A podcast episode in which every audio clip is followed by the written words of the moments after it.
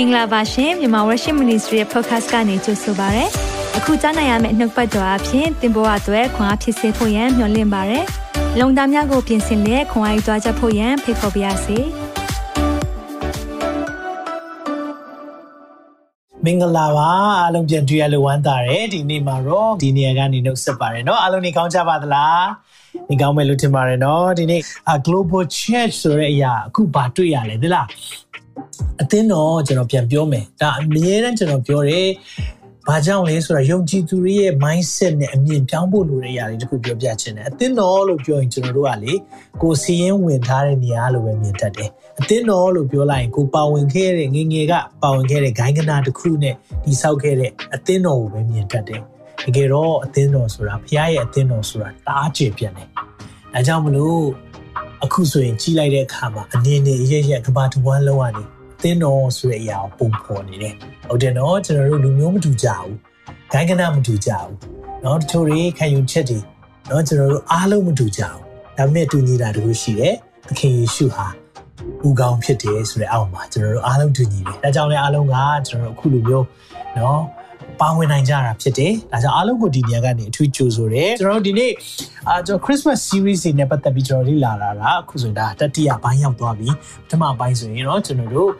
အသစ္စာရှိသူများဆိုတဲ့ခေါင်းစဉ်အောက်မှာတော့ဘုသူအကြောင်းပြောသွားလဲဆိုတော့ဇာခရီနဲ့အလိရှဘက်အကြောင်းပြောသွားတယ်နော်။သူတို့အဇနီးမောင်နှံပြီးတော့သူတို့ရဲ့သားဖြစ်တဲ့နှစ်ချင်းဆရာယောဟန်အကြောင်းပြောသွားတယ်။ဆရာမပြောသလိုပဲနှစ်ချင်းဆရာယောဟန်ရဲ့အသက်တာကိုကြည့်ကြည့်ပါ။ ကျွန်တော်တို့လူဆန်ချိန်နဲ့တတ်မှတ်မယ်ဆိုရင်တော့သူ့ရဲ့ ministry သူ့ရဲ့အမှုဆောင်ခြင်းမအောင်မြင်တယ်လို့ပဲဒါပေမဲ့ဖះဆန်တုံးနဲ့ကြည့်တဲ့အခါမှာသူ့ရဲ့လှုပ်ရှားတဲ့အရာ6လ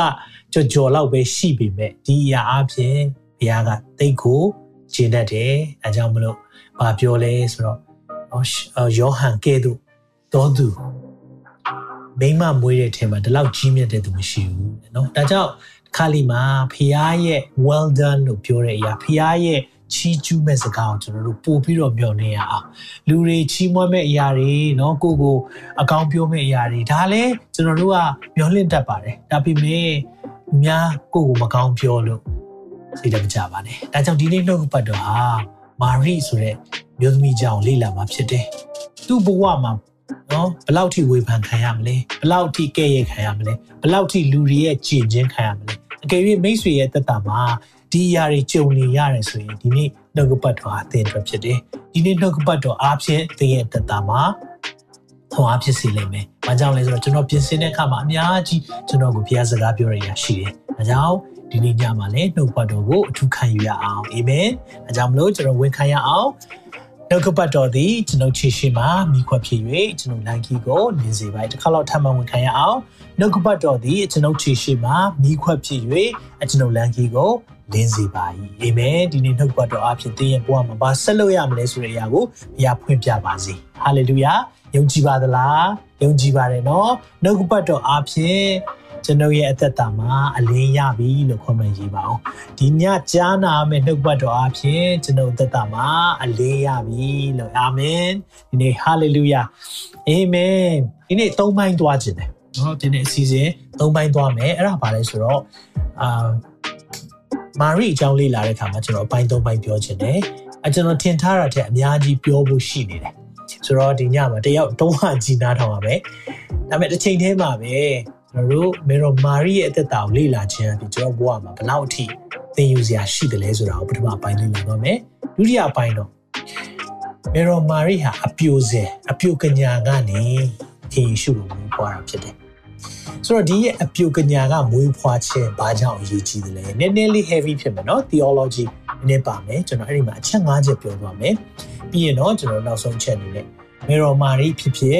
တမန်တော်ကြီးဖြစ်ဖြစ် သူတို့ကိုဆူတောင်းတင်သလားကိုးကွယ်တင်သလားဆိုတော့ကျွန်တော်တို့အကြောင်းလေးကိုလည်းအနေငယ်ပြောသွားမယ်ဆိုတော့ဒီနေ့မှာ၃ပိုင်းပြောသွားမှာဖြစ်တဲ့အတွက်အားလုံးပဲအာယုံစိုက်ပြီးနားထောင်စေချင်ပါတယ်။အဲကြောင့်မလို့အရာအားလုံးကိုဖျားလက်ဝဲနိုင်အနိုင်ရအောင်ကျွန်တော်ရဲ့အသက်တာမှာတော့၎င်းနှုတ်ဆက်ရှာနဲ့ပြင်ဆင်တဲ့အရာတွေထက်ဖျားရှင်စကားပြောဖို့ရန်အတွက်ကျွန်တော်အတွက်လည်းအခုချိန်မှာဆူတောင်းပေးပါ။သင်ပေးမှာနားထောင်နေတဲ့သူတွေအားလုံးအတွက်လည်းဆူတောင်းရအောင်။နောက်ပြီး online မှာကျွန်တော်တို့ အားလုံးခံယူတဲ့သူရဲ့သက်တာမှာလည်းဖျားရှင်ရဲ့နှုတ်ကပတ်တော်အလင်းရဖို့ရန်အတွက်ဆုတောင်းပေးရအောင်အာမင်သက်ရှင်တော်ဖျားနာမတော်ချီးမွမ်းနေသက်ရှင်တော်ဝိညာဉ်တော်ဖျားကျွန်တော်တို့ကိုစကားပြောပါကျွန်တော်နှလုံးသားတွေကိုအစဉ်သင့်ပြင်ဆင်ထားပါတယ်ဇာတိနဲ့ဇာတိဆန်တဲ့ရအားလုံးလက်ဝါးကားတိုင်းပေါ်မှာရိုက်ပါတယ် crucify လုပ်ပါတယ်ဒီနေ့မှာကျွန်တော်တို့ရဲ့အသက်တာမှာလိုအပ်တဲ့အရာကိုကိုရိုဒီညမှာပြောမှဖြစ်လို့ယေရှုတင်တယ်ဟောတဲ့သူပဲဒီနေ့မှာဒီနေ့ ခေါ်တဲ့သူရောခံယူတဲ့သူရောအရောက်ချင်းစီတိုင်းရဲ့အသက်တာမှာဖခင်ရဲ့ဘုန်းတော်နာမှာတော့ထင်ရှားဖို့နဲ့ဘရနှုတ်ပတ်တော်အပြင်တိဆောက်ဖို့ဖြစ်စေပါသူတပါကိုဟောပြီးကိုယ်တိုင်ဆုံးရှုံးတော်သူကိုဖြစ်ချင်ပါကိုရောဒါကြောင့်ကိုရောနှုတ်ပတ်တော်အပြင်အသက်တာမှာကျွန်တော်မှာစာ၍နားဆင်သူအရောက်စီတိုင်းပေါ်မှာတိဆောက်စရာခွာရစရာဖြစ်စေပါအချိန်นี้အချိန်ခါအားလုံးလက်ဝဲနဲ့အနန္တလို့အနောက်ရှက်ပေးမဲ့ဝိညာဉ်စုအားလုံးကိုလည်းယေရှုနာမနဲ့ချီးနှောင်ထားပါတယ်ထိုနည်းတူပဲကောင်းကင်ဘုရားများကိုလည်းဒီနေရာကနေ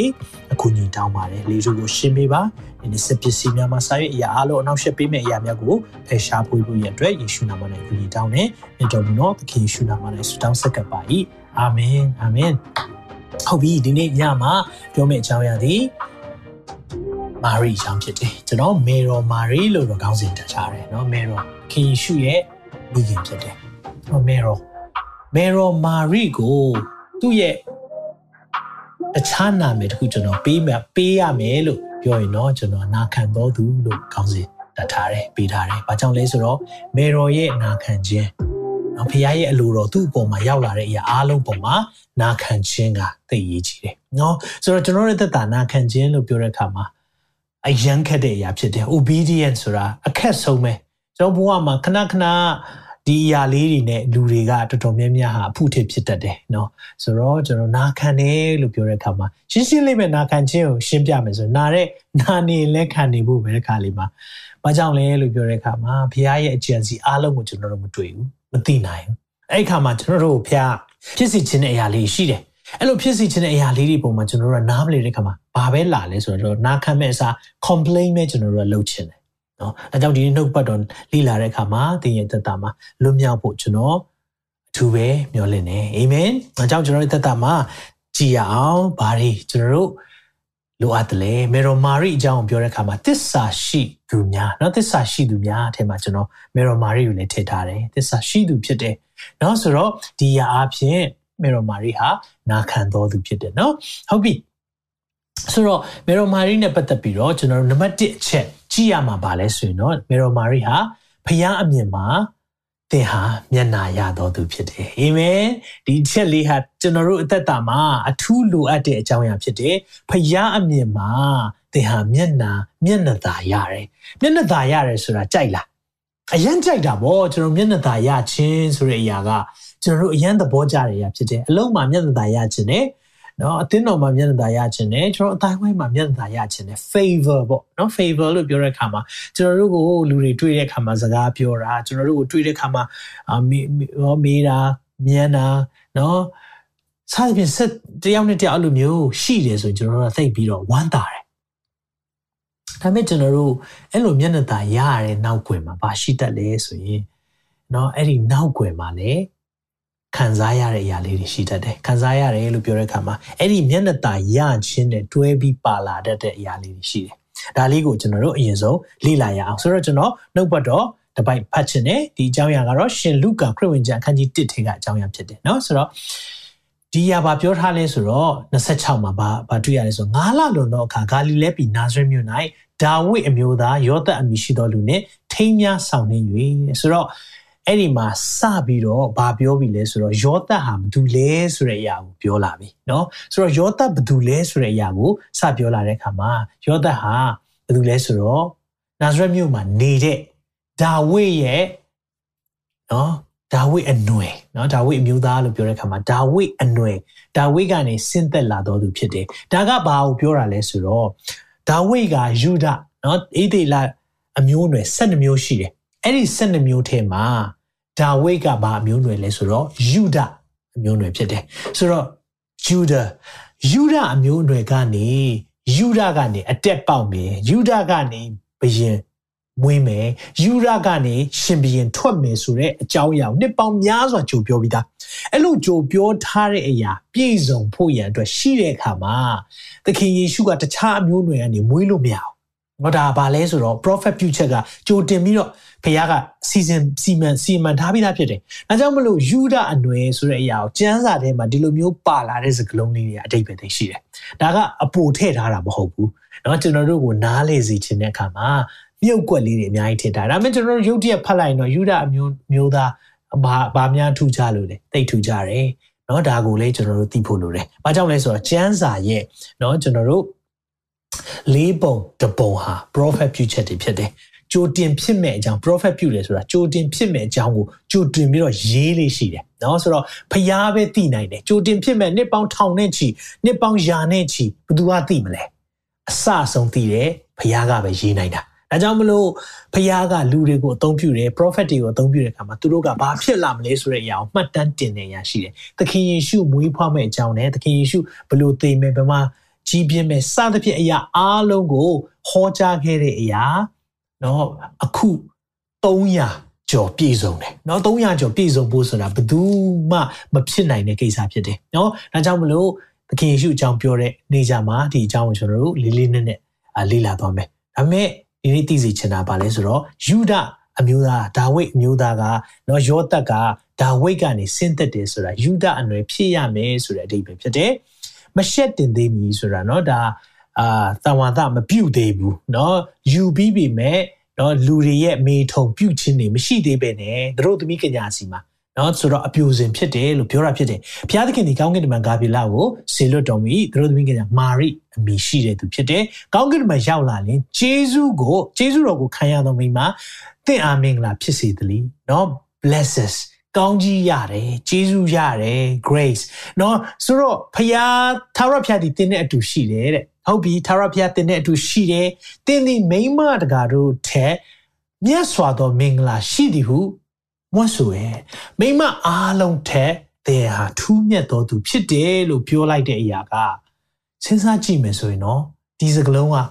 ဘလို့နားလည်နိုင်ပါလဲ။ဟော तू ကဒီအကြောင်းအရာတွေကိုတွေးနေတဲ့အချိန်မှာ။ ဘာကြောင့်တွေးလဲဆိုတာကိုကျွန်တော်ဒီနေ့ပြောပြချင်တယ်။ Mary မာရိရဲ့အဓိပ္ပာယ်ကဘာလဲဆိုတော့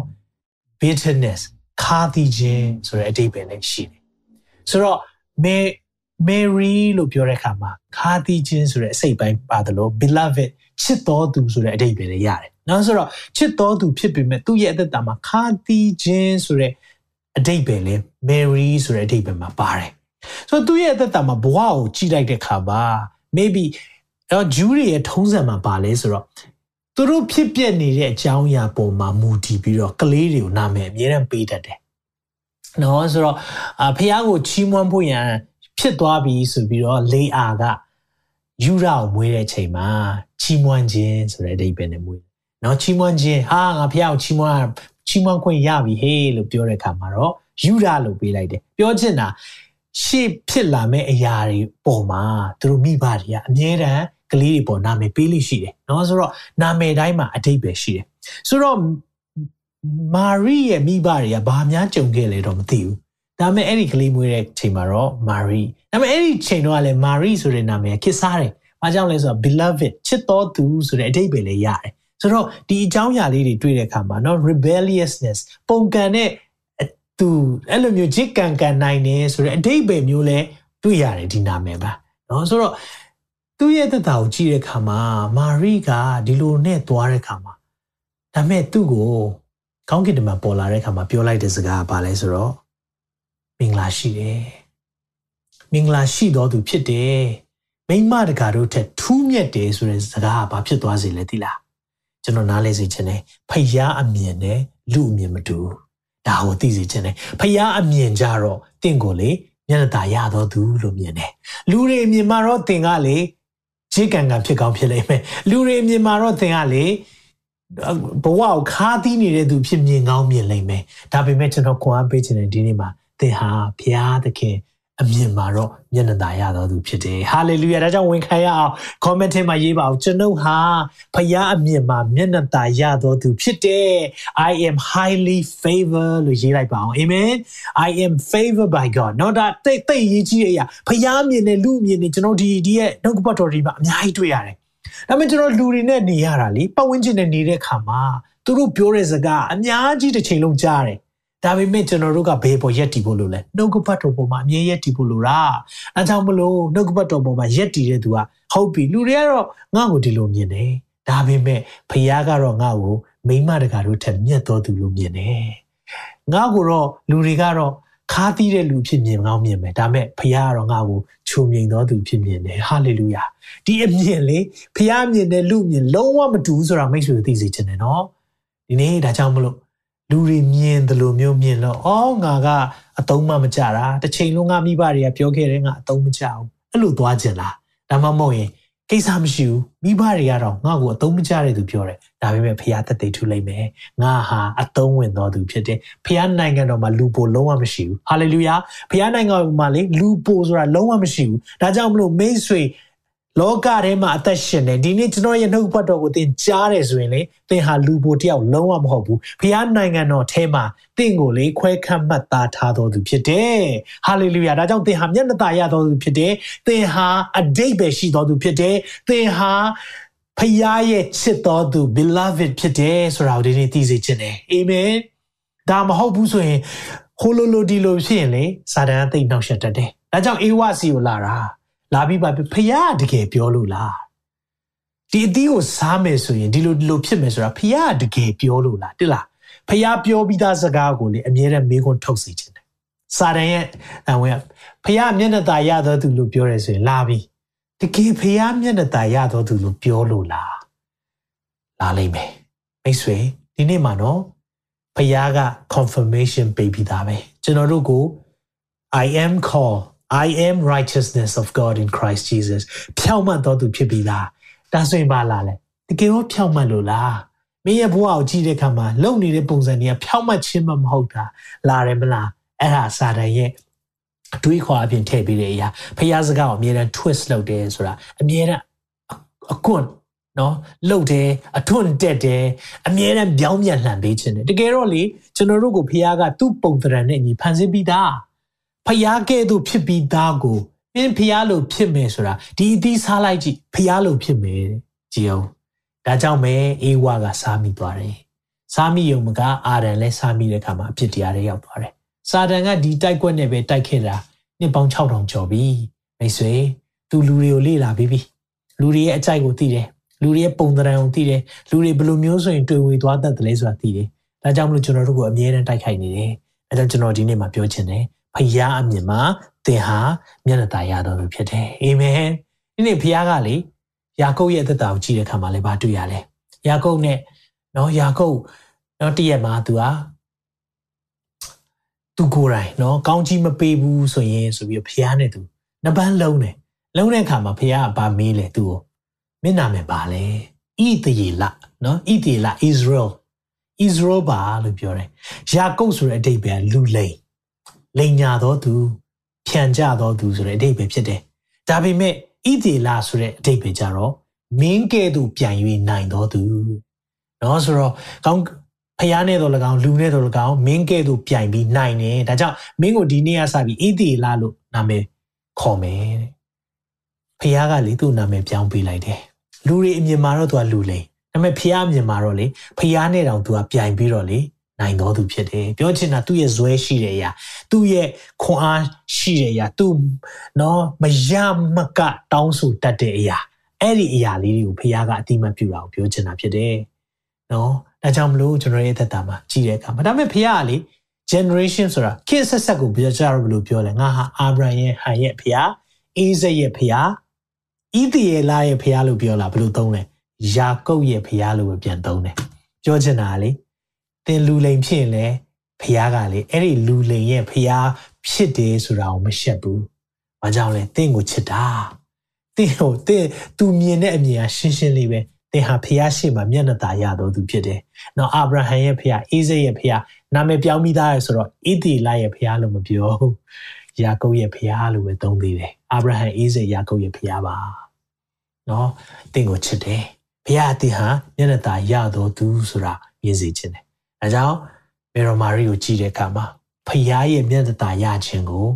သူခံစားရတယ်။နောက်နံပါတ်1အချက်ကိုကြည့်အောင်။အဲ့မှာဘာတွေ့ရလဲဆိုတော့အလိုတော်ဝန်ခံခြင်းရဲ့နောက်မှာနာကျင်ခြင်းတွေရှိတယ်အဲကြောင့်နာခံခြင်းဆိုတာနာရင်လည်းခံနေရတဲ့အရာလို့ကျွန်တော်ခုနပြောတာအလိုတော်ဝင်ခံလိုက်ရပြီဘာကြောင့်လဲလို့ပြောတဲ့အခါမှာကျွန်တော်နှုတ်ပတ်တော်နဲ့ပြင်ကြည့်ရအောင်ဒါလေးအရင်ဖတ်ချင်တယ်ဆက်ကြည့်တဲ့အခါမှာ29မှာမာရိတီထိုစကားကိုကြားလင်းဆိုဘာစကားလဲခုနကပြောတယ် ညနေသားရတော်သူဖြစ်တယ်မင်္ဂလာရှိတော်သူဖြစ်တယ်အဲ့နောက်မှာကြားတဲ့အခါမှာမာရိတီထိုစကားကိုကြားလင်စိတ်နှလုံးမငြိမ်မဝှက်ရှိ၍စိတ်လုံးထဲမှာမငြိမ်မဝှက်ဖြစ်လာတဲ့အခါမှာဤနှုတ်ဆက်ခြင်းကအဘယ်သို့သောနှုတ်ဆက်ခြင်းဖြစ်လိမ့်မည်နည်းဟုတွေးတောဆင်ခြင်၍နေ၏စဉ်းစားနေတယ်ဘာလို့ဖြစ်တာလဲငါ့ကိုဘာလို့မင်္ဂလာရှိတဲ့သူလို့ပြောတာလဲငါ့ကိုဘာလို့ဒီလိုမျိုးပြောတာလဲဆိုပြီး तू တွေးတောနေတယ် အဲ့လိုဖြစ်လာတဲ့အခါမှာကောင်းကင်တမန်ကလည်းမာရီကြောက်ရွံ့ခြင်းမရှိနဲ့သင်သည်ဖျားသခင်ရှိတော်မှာမျက်နှာသာရပြီဖျားရှိမှာမျက်နှာသာရပြီပြောတယ်တွေ့လားတင်းဒီပရိသေတွေဆွဲယူသားယောက်ျားကိုဖွာမြင်လိုက်ပြီထိုသားကိုယေရှုအမည်ဖြင့်မှဲ့ရမယ်ယေရှုလို့မှဲ့ရမယ်သားမွေးမယ်ထိုသားသည်ကြီးမြတ်တော်သူဖြစ်လိမ့်မည်မြင့်ဆုံးသောဖျား၏သားတော်ဟုခေါ်ဝတ်မှုခြင်းကိုခံရလိမ့်မည်သူ့ဘဒါဝိ၏ရာဇပလင်ကိုထာဝရအရှင် ဖျားသခင်သည်သူ့အားပေးတော်မူမည်ထို့သူသည်လည်းယာကုပ်မျိုးနွယ်ကိုအစင်မပြတ်အုပ်ဆိုးလိမ့်မည်သူ၏နိုင်ငံသည်လည်းစုံခြင်းမရှိရဟုပြောဆိုတယ်ဒီမှာကြည့်တဲ့အခါမှာလဲအလိုတော်ဝင်ခံရတာသူအဲ့ဒီစကားကိုကြားတဲ့အခါမှာဘာပြောလာလဲဆိုတော့မျက်နှာသာရတယ်ကဲအားယောက်ျားဖွားမြင်လိမ့်မယ်အပြိုကညာနော်အဲ့သူလည်းပြန်ပြောတာပေါ့ဘလို့ဖြစ်နိုင်ပါလဲကျမအပြိုကညာဖြစ်တယ် ဖခင်ရဲ့တကူနဲ့ဖြစ်မယ်တန်ရှင်သောဝိညာဉ်တော်တင်ပေါ်မှာလာလိမ့်မယ်အဲ့ဒီအချိန်မှာတဲ့ဖခင်ဖခင်ရဲ့အကြံစီပြည့်စုံမယ်စဉ်းစားကြည့်အောင်ဒီအချိန်မှာနော်อืมဖခင်ရဲ့အလိုတော်နဲ့အကြံစီကိုကျွန်တော်တို့ကြိုက်တယ်နော်ဖခင်သခင်ကိုရောအားဖြင့်ကျွန်တော်အမှုပြုပါကြီးသောအမှုပြုပါလို့ဆုတောင်းပူတဲ့လူဘယ်နှယောက်ရှိလဲကိုရောကိုရောရဲ့နာမအားဖြင့်လမ်းပြပါကြီးသောအမှုကိုပြုပါ နော်ဒါမှမဟုတ်ရင်ကိုရောကိုရောရဲ့အာအမှုတော်မြတ်ထဲမှာနော်တကယ်ကိုနာခံတော်သူဖြစ်ခြင်းနဲ့ကိုရောလှုပ်စီခြင်းနဲ့ရကျွန်တော်အကုန်လုံးမယ်ဆုတောင်းပူလိုက်မယ်အမေရီဆုတောင်းခြင်းရဲ့နောက်ွယ်မှာသတိထားဖို့လိုတာတခုရှိတယ်အဲ့ဒါဘာလဲဆိုတော့အဲ့ဒီအလိုတော်ကိုလေဝန်ခံပြီးပြီဆိုရင်လေနောက်ဆက်တွဲလေးတွေနာကျင်ခြင်းတွေရှိတယ်ကဲမေရမာရီကအဲ့ဒီအချိန်မှာယောသတ်နဲ့ စိတ်ဆက်ထားတယ်ဆိုတော့ယောသတ်နဲ့စိတ်ဆက်ထားတယ်သူတို့ကဘီသရိုလို့ခေါ်တယ်ဂျူးထုံးစံမှာစိတ်ဆက်ပေမဲ့အဲ့ဒီစိတ်ဆက်ပြီးတာနဲ့သူတို့သားကသူ့ရဲ့ဖခင်အိမ်ကိုပြန်သွားရတယ်ပြန်သွားပြီးတော့သူတို့သမီးနဲ့နေမဲ့အရာတွေเนาะအိမ်တွေစသဖြင့်သူပြင်ဆင်ခြင်းကိုတစ်နှစ်လောက်အတွင်းမှာသူလုပ်တယ်အဲ့လိုလုပ်ပြီးမှ ready ဖြစ်တယ်ဆိုမှသူ့အဖေကပြန်သွားခေါ်လိုက်ပါဆိုတဲ့အချိန်မှာသူကသွားပြီးတော့သူတို့သမီးကိုသွားခေါ်တာ အဲ့ဒီအချိန်ကြမှာပဲသူတို့ကတန်ဝါဒပြုလို့ရတယ်เนาะအတူနေလို့ရတယ်အဲ့မတိုင်ခင်မှာစိစက်ထားတယ်ဆိုတာဂျူးတွေရဲ့စိစက်ထားခြင်းကတော့လက်ထက်တာနဲ့တော်တော်လေးစင်တူနေပြီဒါပေမဲ့အတူနေလို့မရသေးဘူးတနည်းအားဖြင့်ဒီနေ့အကြောင်းပြောတဲ့အခါမှာမေရိုမာရီယာအပြုကညာဖြစ်တယ်ဆိုတဲ့အရာကိုသိစေချင်တယ်နောက်တစ်ချက်ကယောသက်ကသူတို့စေစပ်ထားတယ်လို့ဖြစ်တဲ့အချိန်မှာစဉ်းစားကြည့်အောင်နော် အဲ့ဒီအချိန်မှာဖခင်ကဂေဂါဘေလကောင်းကင်တမန်ကိုဆေလွတ်ပြီးတော့သားမွေးမယ်လို့ပြောတဲ့အခါမှာ तू ကအလိုတော်ဝင်ခံလိုက်တဲ့အခါမှာမကြောက်ဘူးကိုဝင်ရလာတယ်အဲ့ဒီအချိန်မှာဘသူ shock ဖြစ်မယ်ထင်လဲအဲ့ဒီအချိန်မှာခေါင်းကြီးသွားမှာတခြားမဟုတ်ဘူးယောသဘလို့ဖြစ်တာလဲဒီအချိန်မှာ तू တအားနားလေနိုင်မှာမဟုတ်ဘူးအဲ့ဒီပတ်ဝန်းကျင်တစ်ခုလုံးစဉ်းစားကြည့်ဘာပြောမယ်ထင်လဲอืม ဒီနှစ်ယောက်တော့ပြင်မာပြီပြီဒါကြောင့်မလို့ပဲကိုဝင်ရတာဒီနေ့တော့ဖရားရဲ့အလိုတော်ဝင်ခံလိုက်တဲ့အရာဒီနေ့ဖရားရဲ့အကြံစီကိုတည်ဆောင်လိုက်တာလေဖရားရဲ့အကြံစီကိုတည်ဆောင်ခြင်းရဲ့နောက်မှာဝေဖန်ခြင်းအမြင်လာတတ်တယ်ကဲ့ရဲ့ခြင်းအမြင်လာလိမ့်မယ် ဖျားလှုပ်တင်လှုပ်နေပြီဟေးဆိုရင်လူတွေနားကိုမလည်နိုင်ဘူးအဲ့ဒီနားမလည်တဲ့နောက်မှာတင့်ကိုထိုးနှက်လိမ့်မယ်တင့်ကိုတိုက်ခိုက်လိမ့်မယ်တင့်ကိုအမျိုးမျိုးပြောလိမ့်မယ်ဒါမဲ့တင်နားလည်လိုက်ပါအဲ့ဒီအချိန်မှာဘာရေးကြီးတာလဲဖျားရဲ့စကားသံကြားနေဖို့လိုတယ်။ဘာကြောင့်လဲသိလား။အော်ဒီကလေးကဒါတာမန်ကလေးမဟုတ်ဘူးပဲ။ဒီကလေးကဒါကဒါအဘဒါဝိယာဇပလင်ကိုရမယ်သူဖြစ်တယ်။ဒါဖျားအပြင်ဖြစ်တယ်။ မာရီကရှင်းရှင်းလင်းလင်းသိထားဖို့လိုတယ်မဟုတ်ဘူးဆိုရင်တော့ပတ်ဝန်းကျင်ကသူ့ကိုပြောတဲ့ခါမှာ तू ဖြည့်ရှင်းချင်မှာပဲအာဒါငါ့ကိုကောင်းကင်တမန်ပေါ်လာတာငါ့ကိုဒါလာပြ तू ဖြည့်ရှင်းချင်မှာပဲအဲ့ဒီအချိန်မှာထိုးနေကြမှာပဲဒီနေ့မှာဖះစကားကိုမမေ့နဲ့ဒါထူးခြားတဲ့ကလေးဖြစ်တယ်ထူးခြားတဲ့အဖြစ်အပျက်ဖြစ်တယ်ဒါကြောင့်ဖះစကားကြားထားပြီးတဲ့အရာနှုတ်တော်ထွက်ကြားထားပြီးတဲ့အရာကိုလေမမေ့ဖို့လိုတယ်ကျွန်တော်ရဲ့အသက်တာမှာဒါကြောင့်မလို့နှုတ်ကပတ်တော်တအားအရေးကြီးတာ နှုတ်ကပတ်တော်ဘာကြောင့်အရေးကြီးတာလဲသိလားကျွန်တော်နှုတ်ကပတ်တော်မှာဖះပြောတဲ့စကားတွေအများကြီးပဲဒီစကားတွေကိုကျွန်တော်တို့ကကိုယ့်အတွက်ဖះပြောလာပြီးဟေ့ဆိုရင်လေဆွဲကင်ထားဖို့လိုတယ်အခြေအနေပေးခြင်းမှာပေးလိုက်မယ်တစ်ခါလေးမှာကျွန်တော်အခြေအနေမပေးတဲ့အချိန်လေးရှိကောင်းရှိလိမ့်မယ်အဲ့လိုအခြေအနေကြရင်မိတ်ဆွေနားလဲဖို့ပါလေသိလားဖះကသူ့ရဲ့စကားကိုဘယ်တော့မှပျက်စီးအောင်လုပ်လို့မရှိဘူးကောင်းကင်နဲ့မြေကြီးမတည်တော့လဲ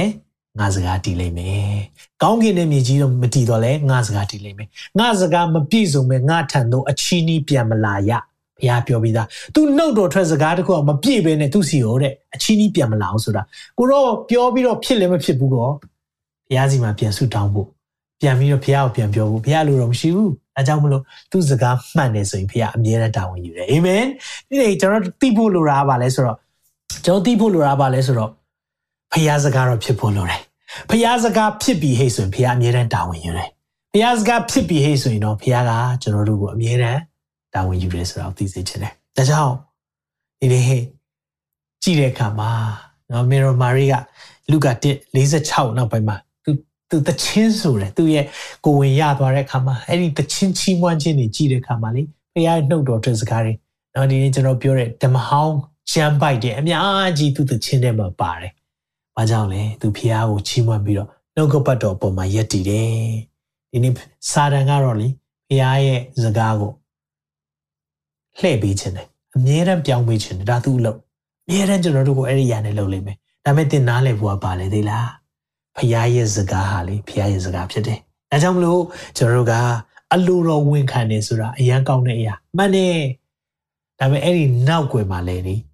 ဖို့ခါရှိတယ်။ ဖခင်အသုံးပြုပြီးဖခင်ရဲ့စကားတော်တည်ဆောင်ပြီးဒီနေ့မေရိုမာရီယာဖခင်ရဲ့နှုတ်တော်နော်နှုတ်ကပတ်တော်ဆို the word of god ဖခင်ရဲ့ the word of god နှုတ်တော်အတွက်ကိုတည်ဆောင်တာသူ့ရဲ့ဝမ်းထဲမှာကိုလွယ်ထားတာမလွယ်ဘူးနော်အဲ့ဒီနောက်ကွယ်မှာတရွာလုံးကပြောမှာပေါ့တမျိုးလုံးကဝေဖန်မှာပေါ့အဲ့ဒီချိန်မှာလဲနော်ယောသက်ကလည်းဒါတော့သူညံနဲ့စဉ်းစားတဲ့ခါမှာဒါတော့ငါလည်းမဟုတ်ဘူး ငါကြောင့်လည်းမဟုတ်ဘူးဆိုတော့သူ့ကိုတော့ရှက်မခွဲချင်ဘူးဆိုပြီးတော့ထားခဲ့ဖို့သူကကြိုးစားတာဒါပေမဲ့ကောင်းကင်တမန်ကယောသက်ကိုစကားပြောတယ်အိမ်မက်ထဲမှာမဟုတ်ဘူးဒါကဖခင်ရဲ့အကြံစီနဲ့ဖြစ်လာတာ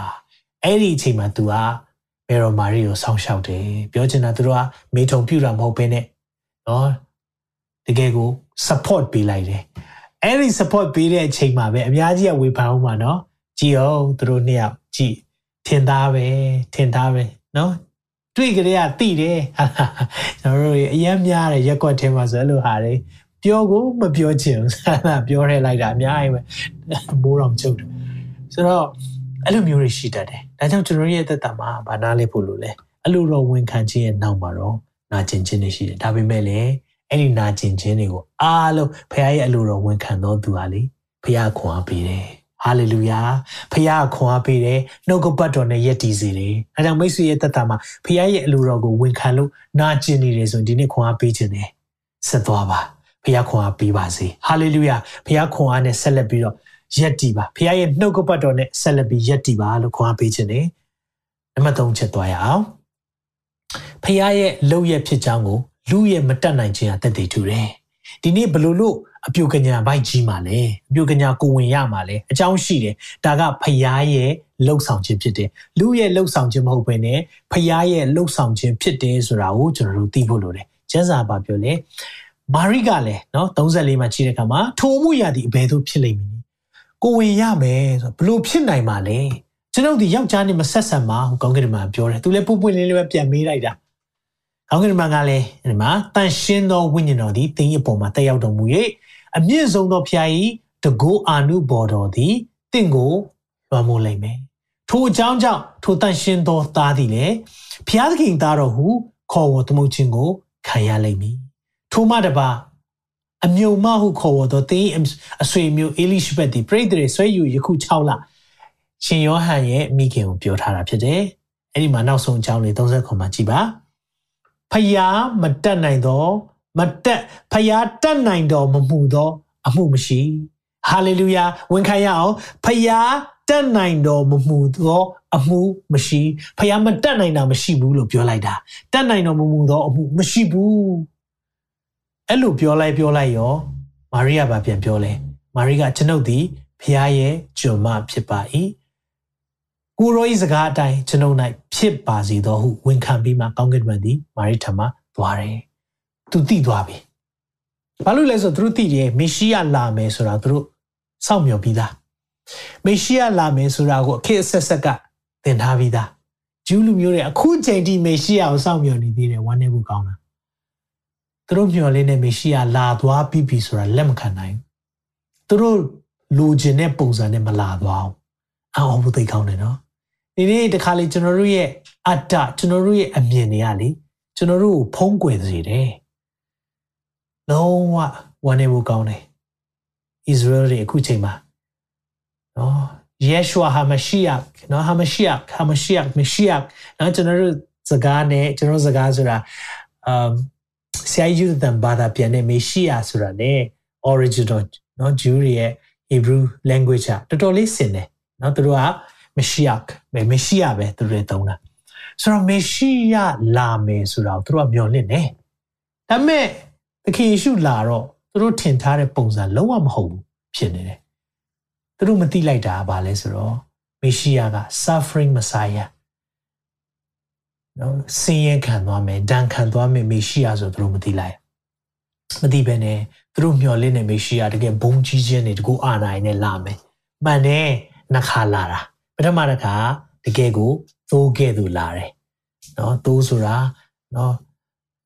သူ sacrifice တတ်တဲ့အရာတွေအားလုံးကိုကျင့်ဘာမှမပြောဘဲနဲ့အပြစ်မဲ့ခြင်းနဲ့ပုံဆောင်သွားတယ်ဒါပေမဲ့ Lion of Judah ချင်းသေးခဲ့တော့ရဲရင်ချင်းရဲ့ကြီးမြတ်ခြင်းနဲ့ပြန်လာမယ်အာမင်ဒါကြောင့်ကျွန်တော်တို့ကအဲ့ဒါကိုစောင့်နေတာကျွန်တော်တို့ကလေတကယ်ကောင်းကြီးခံစားတော်သူတွေဖြစ်တယ်ဖခင်အဒီအရာကိုလေမြင်စေတယ်သိစေတယ်ဒါပေမဲ့အခုဂျူးတွေအံ့ဩဖို့ကောင်းတယ်ဂျေဇုတော်ပဲသူတို့တွေစတိလာပြီနော်ဟေရှာ53နှစ်ကိုသူတို့ဖတ်ခိုင်းတဲ့အခါမှာဘသူ့ကိုမြင်လဲလို့ပြောတယ်နော်ငါတို့ ကြောင်နာခြင်းဆိုတာထိုးမယ်နှိပ်စက်မယ်နော်သူဟာခံရမယ် man of sorrow ခြေကွဲခြင်းရဲ့သားဖြစ်မယ်ကြီးရအားလုံးရေးထားပြီးသားဒါပေမဲ့အဲ့ဓာတွေကိုသူတို့ရဲ့နော် pastor လို့ပြောလို့ရတယ်နော် rabbi ပေါ့သူတို့ရဲ့ဆရာတွေကဒါတွေကိုပယ်ထားတယ်မသိဘူးနော်သူတို့အဲ့လိုမျိုးလှုပ်ထားပြီးတဲ့အခါမှာဂျူးတွေကကောင်းကောင်းဖျားကိုမသိဘူးနော်သူတို့သိတဲ့ဖျားကတော့သူတို့အာဗြဟံအိဇက်ယာကုပ်ကိုကိုွယ်တဲ့ဖျားဒါပေမဲ့သူတို့လက်မခံနိုင်တာနဲ့နားမလဲတာ သခင်ယေရှုယေရှုဟာမရှိယဟာမရှိယမရှိယလာသွားတယ်ဒါပေမဲ့သူတို့မသိလိုက်ဘူးဒါပေမဲ့သူတို့သိတဲ့အချိန်ကျတော့နော်ပြားရိတ်ချမ်းထဲမှာဆိုပါပြောလဲဆိုဟာထိုးဖောက်တဲ့တယောက်ပဲသူတို့ဒီလိုဖောက်ထားတဲ့တယောက်ဖြစ်နေတယ်ကားတိုင်းမှာအသေးခံတဲ့ဒဏ်ရာရှိတဲ့တယောက်သူတို့တွေ့လိုက်မယ်အဲ့ချိန်ကျမှသူတို့နောက်တာရမယ်ဒါပေမဲ့ဂျေဇုတော်ပဲသင်တဲ့ကျွန်တော်ကတော့ဒီချိန်ကလေးကတည်နေပြီဟာလေလုယာဆိုတော့ ပြန်ကြည့်တဲ့အခါမှာလူမတက်နိုင်တဲ့အရာဖြစ်တယ်ဆိုတာဟောဘလို့ဖြစ်နိုင်မှာလဲသိကြတာပေါ့အဲ့ဒါကြမှာပဲဖះလောက်တာဆိုတာပြောလို့ရတယ်လူတက်နိုင်တဲ့အရာဆိုရင်ဒါဖះလောက်တာမဟုတ်ဘူးနော်မာရီကယောသတ်နဲ့မိထုံပြုတ်ပြီးတော့ရတယ်ဆိုရင်ဒါလူတက်နိုင်တဲ့အရာဖြစ်တဲ့အတွက်မထူးဆန်းဒါပေမဲ့ထူးဆန်းတာပါလဲဆိုတော့ဒီအရာကဘာကြောင့်ဖြစ်လာလဲဆိုရင်တကယ်တော့ဘာကြောင့်ဖြစ်လဲ ဖယားရဲ့တကူနဲ့ဖြစ်တယ်ကျမ်းစာဘယ်လိုပြောလဲဆိုတော့ဒီမှာတင့်ပေါ်မှာတန်ရှင်သောဝိညာဉ်တော်ရောက်လာမယ်ဖယားရဲ့တကူအာနုဘောဟာလွမ်းမိုးလိုက်မယ်ထိုအကြောင်းကြောင့်ထိုတန်ရှင်သောသားသည်လည်းဖယားသခင်ရဲ့သားတော်တန်ရှင်သောသားလို့သုံးထားတယ်ဆိုတော့ဟုတ်ပြီအဲ့ဒီမှာဖယားမတတ်နိုင်တာမရှိဘူးသူဝန်ခံလိုက်တယ်အဲ့ဒီဝန်ခံခြင်းရဲ့နောက်မှာတော့အများကြီးပေးဆက်ခြင်းရှိလိမ့်မယ်ဒါပေမဲ့ ဒီအရာကိုအလိုတော်ဝန်ခံသွားတယ်အာမင်ဒီလိုဝလိုတော်ဝန်ခံသွားတယ်ဒါပေမဲ့ကျွန်တော်ဒီမှာနားလဲစေခြင်းနဲ့မိတ်ဆွေရဲ့သက်တာပါဘာကြောင့်အပြုကညာမွေးဖွားတာအရေးကြီးလဲဘာကြောင့်ရိုးရိုးလူတယောက်ဖြစ်လို့မရဘူးလားရိုးရိုးပုံမှန်နော်မွေးတဲ့လူဖြစ်လို့မရဘူးလားအခုဆိုဘာပြောကြလဲယေရှုကအဖေမပေါ်ပဲမွေးတဲ့သားတဲ့ဘာကြောင့်အဲ့လိုမျိုးပြောကြတာလဲ ဒါမှမဟုတ်ဒါကတော့ပုတ်ပုတ်ခတ်ပြီးဝေဖန်လို့ပြောတာပေါ့ဒါပေမဲ့ကျွန်တော်တို့ကယုံကြည်သူများအထူးဖြင့်ခရစ်ယာန်များရှင်းရှင်းလင်းလင်းပြန်ပြောနိုင်မယ့်အချက်တွေဒီရဲ့ခရစ်စမတ်မှာတယောက်ယောက်ကမေးခဲ့တယ်ဆိုရင်ဒါမှမဟုတ်သင်မေးခွန်းအမြဲတမ်းကိုကိုမေးထားတယ်ဆိုဘာကြောင့်အပြုကညာကမွေးတဲ့သားဖြစ်ဖို့လိုတာလဲ virgin birth အပြုစဉ်ကမွေးတဲ့အရာဖြစ်ဖို့လိုတာလေကျွန်တော်အချက်၅ချက်ဒုတိယပိုင်းအနေနဲ့ပြောပြချင်တယ်အဲ့ဒီအချက်၅ချက်ကဘာလဲဆိုတော့ အပြုကညာကနေမွေးခြင်းဘာကြောင့်ရေးကြည့်တာလဲနံပါတ်1 prophet ပြုခြင်းများပြည့်စုံဖို့ဖြစ်တယ်ခရစ်တော်အကြောင်းကြိုတင်ပြောတာယာနဲ့ချီပြီးရှိတယ်အဲ့ဒီထဲကတစ်ခုကဘာလဲဆိုတော့အေရှာယနာဂကြီးကျန်ခွန်အငယ်ဆက်လေးမှာထို့ကြောင့်ထာဝရဘုရားသည်ကိုကိုရောတိုင်းနမိတ်လက္ခဏာကိုသင်တို့အားပေးတော်မူပြီးကြီးရှုလို့တို့သမီးကညာသည်ပရိတ်တရေဆွဲယူ၍တားယောက်ျားကိုဖွားမြင်လိုက်ပြီးထိုသားကိုအေမာနွေလအမိဖြင့်မေရလက်တန်အေမာနွေလရဲ့အတိပ္ပယ်ကငါတို့နဲ့အတူရှိတော်ဘုရားတဲ့ ငါတို့နဲ့အတူရှိဖို့ကလေလူစားတိခံဖို့လိုတယ်အဲ့ဒီမှာပြောထားပြီးသားဒီရဲ့ကျမ်းစာပဲအချိန်ပြောလဲခရစ်တော်မမွေးခင်နှစ်ပေါင်း900ကျော်ပြောထားတယ်900သူတို့သမီးကနေသားမွေးမယ်အတိအကျကိုပြောထားတယ်ဒါဖခင်ကလှုပ်တဲ့အရာဖြစ်တယ်နမိတ်လက္ခဏာပေးတဲ့အရာဖြစ်တယ်ဆိုပြီးတော့ကြိုတင်ပြောတဲ့အရာပြည့်စုံဖို့ရန်အတွက်အပြုကညာမွေးလာတာဖြစ်တယ်နံပါတ်1အချက်ကပါလဲဆိုတော့ခရစ်တော်ရဲ့ဖခင်ဖြစ်ခြင်းကိုပြသဖို့เนาะ ဒီနေ့ဖျားရဲ့သားဖြစ်ဖို့ကနော်ဖျားအားဖြင့်ဖြစ်ပွားဖို့လိုတယ်အဲကြောင့်ကျွန်တော်ဒီနေ့ယောဟန်တစ်ထဲအကြောင်းနဲ့ပြောပြခြင်းနဲ့အစဦးနိုင်နှုတ်ကပတ်တော်ရှိအဲ့ဒီနှုတ်ကပတ်တော်ဆိုတာသခင်ယေရှုပုံဆောင်တဲ့နှုတ်ကပတ်တော်ဒီဖျားသခင်နဲ့အတူရှိဖျားနဲ့အတူရှိတယ်နှုတ်ကပတ်တော်ရှိတယ်ဖျားရှိတယ်နှုတ်ကပတ်တော်ဒီလည်းဖျားသခင်ဖြစ်တယ်တဲ့။ဩကြည်အောင်နော်ဒီဟာတွေကြည့်တဲ့အခါမှာဖျားရှိတယ်တဲ့အစဦးနိုင်နှုတ်ကပတ်တော်ရှိတယ်တဲ့နှုတ်ကပတ်တော်ဖျားနဲ့လည်းအတူရှိတယ်တဲ့ အဲ့ဒီနှုတ်ကပတ်တော်ဖျားလည်းဖြစ်နေတယ်တဲ့ထိုနှုတ်ကပတ်တော်ဒီအစဦးနိုင်ဖျားသခင်နဲ့အတူရှိခတ်သိမ်းသောအရာဖန်ဆင်းတယ်ဖန်ဆင်းခြင်းနဲ့ကင်းလွတ်တဲ့အရာမရှိဘူးလူတို့ရဲ့အလင်းဖြစ်တယ်တဲ့အဲ့ဒါကိုရှင်းရှင်းလင်းလင်းဖြစ်အောင်အငယ်၁၄မှာဘယ်လိုပြောလဲဆိုတော့နှုတ်ကပတ်တော်သည်လူဇာတိအဖြစ်ခံယူတယ်ဖျားအဖြစ်ရှိထားပြီးသားဖြစ်ပေမဲ့လူဇာတိဆိုတာလူကဲ့သို့မွေးဖွားတာဂျေဇုတော်နဲ့၎င်းတစ္ဆာတော်နဲ့၎င်းပြည့်စုံ၍ငါ တို့တွင်တည်နေမိကြောင်းဖြစ်၍ခမဲတော်၌တပါးတီသောသားတော်ဤဘုံကဲ့သို့တည်ဘုံတော်ကိုငါတို့မြင်ရကြပြီဒီနေ့ဘာနာလဲစီခြင်းလဲဆိုတော့ဖျားဖြစ်တယ်ဆိုတဲ့အကြောင်းကိုသက်သေခံထားတာရိုးရိုးပုံမှန်လူမဟုတ်ဘူးယေရှုခရစ်တော်ဟာကျွန်တော်တို့လိုအသွေးသားရှိတယ်မှန်တယ်ဖျားဇာတိလည်းရှိတယ်လူဇာတိလည်းရှိတယ်ပြောချင်တာပါလဲဆိုတော့ဖျားလဲတရားရာခိုင်နှုန်းဖြစ်တယ်လူလဲတရားရာခိုင်နှုန်းဖြစ်တယ်ဘာကြောင့်လဲဆိုတော့ ယောသက်ကမွေးတာမဟုတ်ဘူးယောသက်ကမမွေးဘူးယောသက်ရဲ့အမျိုးဖြစ်တယ်ဆိုရင်ယောသက်ကနေမွေးတယ်ဆိုရင်အပြစ်ပါလိမ့်မယ်ဖခင်ကအပြစ်ပါလို့မရအောင်ကျွန်တော်တို့ကိုကယ်မဲ့ဖခင်အပြစ်ရှိလို့မရအောင်အပြစ်သားကိုအပြစ်သားတယောက်ကယ်လို့မရအောင်မြက်ကန်းကိုနောက်မြက်ကန်းလမ်းပြလို့မရတယ်လို့ပဲအပြစ်သားကိုနောက်အပြစ်သားတယောက်ကယ်လို့မရအောင်ဘသူကပဲကယ်လို့ရလဲအပြစ်မရှိတဲ့သူပဲဒါကြောင့်မလို့ အငှားကိုဝင်လို့ပြောရင်အမှန်ဆုံးဖြစ်တယ်နော်ဆိုတော့အငှားကိုဝင်နေဒါအခုချိန်မှာတော့ medical ဆေးပညာအရအရန်ကိုဖြစ်နိုင်တဲ့အချိန်ရှိတယ်။နော်အခုချိန်ဆိုအရန်ဖြစ်နိုင်တယ်။အခုချိန်တချို့ဆိုရင်အငါးကိုဝင်ဆောင်တယ်နော်သူအခုချိန်အာပတ်စံပေးအကုန်လုပ်လို့ရတယ်နော်ဆိုတော့ကိုရဲ့သူနဲ့တွေးစရာလည်းမလိုထိတွေးစရာလည်းမလိုမေထုံဆက်ဆံစရာမလိုဒါပေမဲ့သူက နော်အဲ့မျိုးသမီးကကိုရဲ့ရင်သွေးကိုဆောင်ပြီးလို့ရတဲ့ခင်ဖြစ်နေတယ်အခုနော်ဘယ်လောက်ထိလုပ်လဲဆိုတော့အမျိုးသားတွေတောင်မှ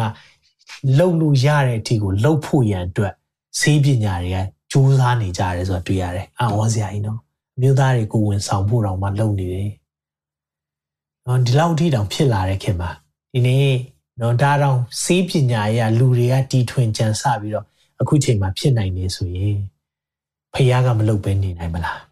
ဖခင်အတွက်ကဒီအရာသေးမွားပါ။။ဒါကြောင့်မလို့ကျွန်တော်တို့ကတန်တရားရှိစရာလုံးဝမလိုဘူး။အဲကြောင့်မေရောမာရိဟာအပြိုစင်ဖြစ်တဲ့အဲ့ကနေသခင်ယေရှုကိုမွေးတယ်ဆိုတဲ့အရာဒီ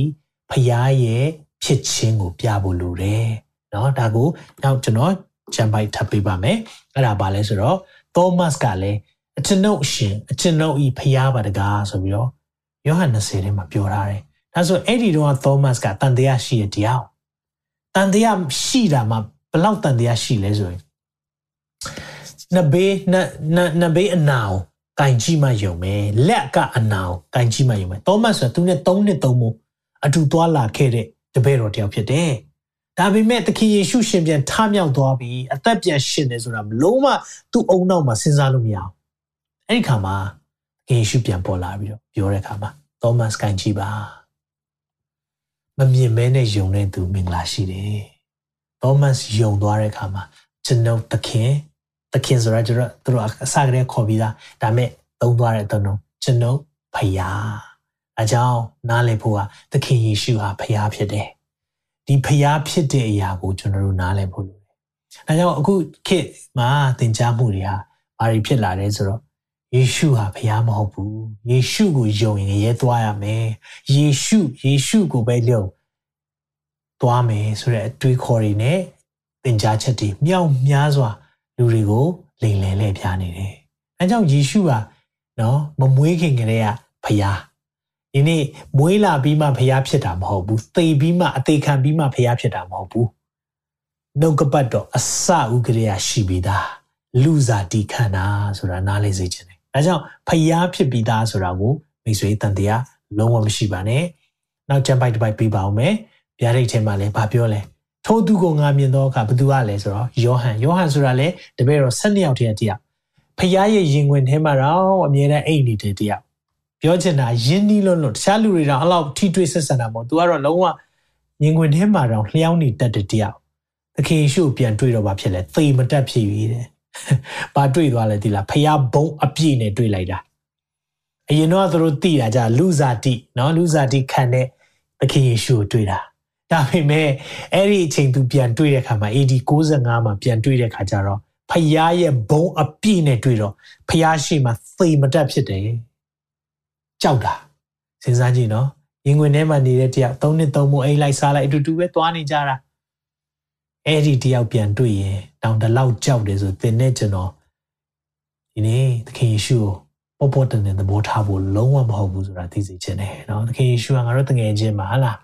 ငါတို့ရဲ့ချစ်ဆုံးတငယ်ချင်းမှာမှန်ပါတယ်ဘုရားကျွန်တော်တို့အတွက်အမြဲတမ်းရှိတယ်ဒါပေမဲ့ဘုရားဖြစ်တယ်ဆိုတာမမေ့ပါနဲ့အာမင်နောက်ကျွန်တော်ကြည့်အောင်နောက်တစ်ချက်ခရစ်တော်ဟာလူဖြစ်ခြင်းကိုလည်းပြသဖို့ဖြစ်တယ်အပြူကညာမွေးတယ်ဆိုတာလူဖြစ်ဖို့လိုတယ်ဘာကြောင့်လဲဖျားဆိုရင်တတ်လို့ပဲရမလဲဟုတ်တယ်နော်ဖျားဆိုဘယ်လိုလုပ်သိမှာလဲဖျားလေဒါပေမဲ့လူစားတိခံပြီးကျွန်တော်တို့အတွက်ကားတိုင်းမှာအသေးခံဖို့ဆိုတဲ့အရာဖြစ်လာတဲ့အခါမှာ လူစားတိလူဖြစ်ဖို့လိုတယ်။ဒါဆို तू လူဖြစ်ကြောင်းကျမ်းစာထဲမှာပြောထားလား။ပြောထားတယ်ကျမ်းစာထဲမှာဂလာတိထဲမှာလည်းဗာပြောလဲဆိုတော့အချိန်ကာလရှိသောအခါငါတို့သည်တားကိုတားဤအခွင့်အရာကိုခံရမိကြောင်းပြည့်ညက်တရားလည်း၌ငါတို့ကိုရွေးနှုတ်စေခြင်းကမိမဝမ်း၌ပရိသေယူ၍ပြည့်ညက်တရားအောက်၌မွေးဖွားရသောတားတော်ကိုဖျားသခင်မလုပ်တယ်လို့ပြောလဲစေလွတ်တယ်။နော်ပြည့်ညက်တရားအောက်မှာမွေးဖွားရတာ။ ဒါကြောင့်မလို့ तू ဟာယောဟန်နှစ်ချင်းခံတဲ့အခါမှာအလုံးစုံသောအကျင့်တွေကျင့်ဖို့လိုသေးတဲ့အတွက်ကြောင့်မလို့နှစ်ချင်းခံခွင့်ပေးပါအပြစ်ရှိလို့လုံးဝမဟုတ်ဘူးเนาะအဲ့ဒါနားလေးစေချင်တယ်ဒါပေမဲ့ဘာကြောင့်နှစ်ချင်းခံနိုင်လဲနှစ်ချင်းခံမယ်လို့သူပြောတယ်အကြောင်းရှိတယ်ဘာကြောင့်နှစ်ချင်းခံဖို့ तू ကတောင်းဆိုလဲဆိုတော့ပြည့်ညက်တရားအောက်မှာကြီးတာဖြစ်တဲ့အတွက်ကြောင့်မလို့ကျွန်တော်တို့မကျင့်နိုင်တဲ့အရာမလုံနိုင်တဲ့အရာအားလုံးကိုသခင်ကလုပ်ပေးတာ ဒါပေမဲ့ဖះအနေနဲ့လုပ်ပေးတာမဟုတ်နော်လူအနေနဲ့လည်းလုပ်ပေးတာဖြစ်တယ်အဲကြောင့်သူ့ရဲ့ဖျားဖြစ်ခြင်းလူဖြစ်ခြင်းကိုလေအမြဲတမ်းနားလည်ဖို့လိုတယ်။ဒါဆိုသူ့လိုလူနောက်တစ်ယောက်ရှိလားလုံးဝမရှိဘူး။နော် unique လုံးဝမရှိနိုင်ဘူး။ဒါကြောင့်ဥပမာပြဖို့သိခက်ခဲတယ်။အော်ဒီလိုမျိုးလေးလေးပြလို့မရဘူး။ဘာကြောင့်လဲဆိုတော့ဖျားကသူ့သူ့ပုံစံသူပဲရှိတာ။အစကတည်းကရှိပြီးသား။ဒါပေမဲ့မေရိုမာရီရဲ့ဝမ်းထဲမှာ သူငယ်အနေနဲ့ပြန်မွေးတယ်။အဲ့ဒီချိန်ကျမှယေရှုရှိတာလုံးဝမဟုတ်ဘူးနော်။အစကတည်းကရှိပြီးသား။ဒါကြောင့်အစဦး၌နှုတ်ကပတ်တော်ရှိတယ်။ဒါပေမဲ့အဲ့ဒီချိန်မှာတော့လူစားတိခံတယ်။ဒါကိုနားလည်စေချင်တယ်။အဲ့လိုလူစားတိခံတဲ့အခါမှာပြည့်ညက်တရားအောက်မှာမွေးဖွားဖို့ရန်အတွက်ဖျားပေးတယ်ဆိုရရနဲ့ကျွန်တော်တို့ကိုပြောထားတယ်။နောက်ချက်ပိုက်တစ်ပိုက်ပေးမယ်။အဲ့မှာဗာပြောလဲယေရှုသည်အစဉ်တိုင်းလူကနှစ်ငယ်50နှစ်မှာအစဉ်တိုင်းကြီးအစဉ်တိုင်းကြီး၍တဲ့ ပညာတိုးပွားလက်ဖျားရှိလို့ရှိမှမျက်နှာအစင်တိုင်းကြီးတယ်နော်ဖျားပြစ်လို့ရုပ်တရက်ကြီးဟာဆိုပြီးတော့ကြီးသွားတာမဟုတ်ဘူးလူပုံစံအတိုင်းမဲ့သူကကြီးလာတာတပြေးပြေးနဲ့နော်အရက်တွေရှိလာမယ်နော်ကိုခန္ဓာထွာလာမယ်စသဖြင့်အဲ့ဒီမှာပညာတွေတိုးပွားတယ်။ဩပညာတိုးပွားဆိုအကုန်လုံးရှိတာပြီးတော့လာတာလည်းမဟုတ်ဘူး။အကုန်လုံးပညာတွေတိုးပွားလာတယ်။ဘာကိုပြချင်တာလဲ။လူအပိုင်းကိုပြတာဖြစ်တယ်။အကြောင်းဖျားအပိုင်းလူအပိုင်းဆိုတာနှစ်ပိုင်းကို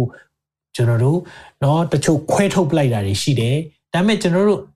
နားလည်ဖို့ဟာဖရာဟာလူလည်းဖြစ်တယ်။ဖရာလည်းဖြစ်တယ်ဆိုတာနားလည်ဖို့လိုတယ်เนาะဒါလေးကိုသိစေချင်တယ်။အဲ့မှာကြည့်တဲ့အခါမှာမာကုထဲမှာလည်းပြောပြန်တယ်မာကု6ငယ်3မှာသူဒီလက်သမားမဟုတ်ဘူးလားတဲ့ဒါလူရဲ့အပိုင်းကိုပြောတာနော်ဒါကိုကြည့်ထားပြီးတော့ကြည့်ဒီမှာကြည့်တွေ့လားကျန်းစာကြည့်ကျန်းစာကြည့်နှုတ်ဖေးကလူတွေ့တယ်မလားလက်သမားပြောလိုက်မယ်မှန်ပါတယ်လို့ပြောပြလိုက်မှန်တယ်ဒါပေမဲ့အဲ့ဒါ လူစားတိခံတဲ့လူအပိုင်းကိုပြောတာဖြစ်တယ်ဒါပေမဲ့သူဖျားဖြစ်ကြောင်းလည်းရှိပါတယ်เนาะကျမ်းစာဆိုတဲ့အခါမှာတမန်တရားလို့ပြောတဲ့အခါမှာကျွန်တော်တစ်ဖက်ဆောင်းနေသွားလို့မရအောင်အာဒီမှာကြည့်ဒီမှာလက်သမားတွေ့လားဒါလူပဲမင်းတို့လူကိုကိုးကွယ်နေတာ no no no no no နှုတ်ကပတ်တော်ဖြစ်တယ်လူစားတိခံသွားတယ်ဒါကြောင့်ကျွန်တော်တို့ယုံကြည်သူများရှင်းရှင်းလင်းလင်းသူများကိုပြန်ပြုတ်တတ်ဖို့လိုတယ်ဒါကြောင့်လူအပိုင်းဖျားအပိုင်းကွဲပြားစွာသိဖို့လိုတယ်เนาะဟုတ်ပြီဆက်ပြီးတော့ကြည့်အောင် မာရိသားမဟုတ်လားမာရိသားမဟုတ်လားအမှယေရှုရဲ့ညီကိုတွေနာမည်ပေးထားပါတယ်ယာကုပ်ယောသေယူဒရှိမုန်ဟာညီညီတို့အကူမဟုတ်လားသူနှမများဆိုတာသူမှလည်းနှမတွေဒါကယောသတ်နဲ့ရတဲ့ကလေးတွေနော်မာရိနဲ့ယောသတ်သခင်ယေရှုမွေးပြီးနောက်ပိုင်းမှာလူနော်လူတွေရဲ့မိထုံပြုတ်ပြီးတော့ရတဲ့သားသမီးတွေအများကြီးပဲကြည့်အောင်နော် ငါတို့အနိဗ္ဗာန်မှာရှိသည်ပြောဆိုလဲစေတနာစိတ်ပြတ်တယ်အဲ့ဒီမှာသခင်ယေရှုနာဇရက်မြို့မှာရောက်တဲ့အခါမှာဆုတောင်းပေးလဲတိတ်ပြီးတော့နမိတ်လက္ခဏာမဖြစ်ဘူးလေဒါဆို तू မတက်နိုင်လို့လားလုံးဝမဟုတ်ဘူးလူတွေရဲ့မယုံကြည်တဲ့စိတ်အာတီသားပဲလက်သမားသားလေငါတို့လမ်းထိပ်မှာနေတာလေအာငယ်တော့တော့မှငါတို့အဲ့ဒီစိတ်တွေကကျွန်တော်တို့ရဲ့အထင်ကြီးလေးစားမှုညော့နေသွားတယ်အကြောင်းမလို့တခါလေမှာနာဇရက်မြို့ဆိုတဲ့အရာဒီ ဘာဖြစ်တတ်လဲဆိုတော့လူတွေကိုကိုမထီလေးစားလုပ်တဲ့မြို့ဖြစ်တတ်တယ်အဲ့လိုမြို့မှာလေသင်ဘယ်သူလဲဆိုတာသိပြီးတော့ဖခင်ရဲ့အလုံးလုံးချင်းသိမတွေ့ရတတ်ဘူးဒီမြို့တွေမှာအဲကြောင့်မလို့နာဇရက်မြို့မှာသခင်ယေရှုတော်မှာတော့အနှဲငယ်သောယောဂါတွေပဲကုလို့ရတယ်။ဘာကြောင့်လဲဆိုတော့သူကစေတနာစိတ်ပြက်တယ်ဆိုယုံတဲ့စိတ်ကိုမရှိတော့။ဒါပေမဲ့ဖခင်လှုပ်လှုပ်တာဘာနဲ့လှုပ်တာလဲ။ယုံကြည်ခြင်းနဲ့လှုပ်တာ။အာမင်။ယုံကြည်ခြင်းနဲ့လှုပ်တာဖြစ်တဲ့အတွက်အလုပ်လုပ်လို့မရအောင်။ ဒါကြောင့်မလို့ဖခင်ရဲ့ဖြစ်ခြင်းရဲ့ဒါလူဖြစ်ခြင်းကိုလည်းပြသွားတာဖြစ်တယ်။အဲ့မှာကြည့်တဲ့အခါမှာသူမောတတ်တယ်။နော်သခင်ယေရှုမောတယ်။သူဖခင်ဖြစ်တယ်ဆိုပြီးမမောဘူးမထင်နဲ့။လူရဲ့ဇာတိအရာသူမောတယ်။ယောဟန်လေးထဲမှာငယ်6မှာထိုရက်၌ယာကုပ်ရည်တွင်ရှိတယ်တဲ့ယေရှုသည်ခီးသွား၍ပင်ပန်းသောကြောင့်ပင်ပန်းတတ်တယ်ရည်ရင်းနာမှာထိုင်နေထိုအချိန်က6 6နာရီဆိုတာဒါနေ့လယ်7နာရီပြောတာဖြစ်တယ်နော်6ချက်ထိုးအချိန်လို့ပြောတယ်ဆိုတော့ ပင်ပန်းတယ်တဲ့အိပ်ရလားအိပ်ရတယ်နော်စားရလားစားရတယ်ဒါဆိုရင်ဖျားဆိုရင်စားစရာလိုမလားပြောချင်တာလူလည်းဖြစ်တယ်ဖျားလည်းဖြစ်တယ်ဒီနှစ်ခုကိုကွဲကွဲပြားပြားသိပါစေနော်ဒီအရာကိုယုံကြည်သူများရှင်းပြတတ်ဖို့လိုတယ်ကျွန်တော်တို့ကလူကိုကိုးကွယ်နေတာမဟုတ်ဘူး Thomas Thomas တို့ဟာအဲ့ဒီအချိန်တုန်းက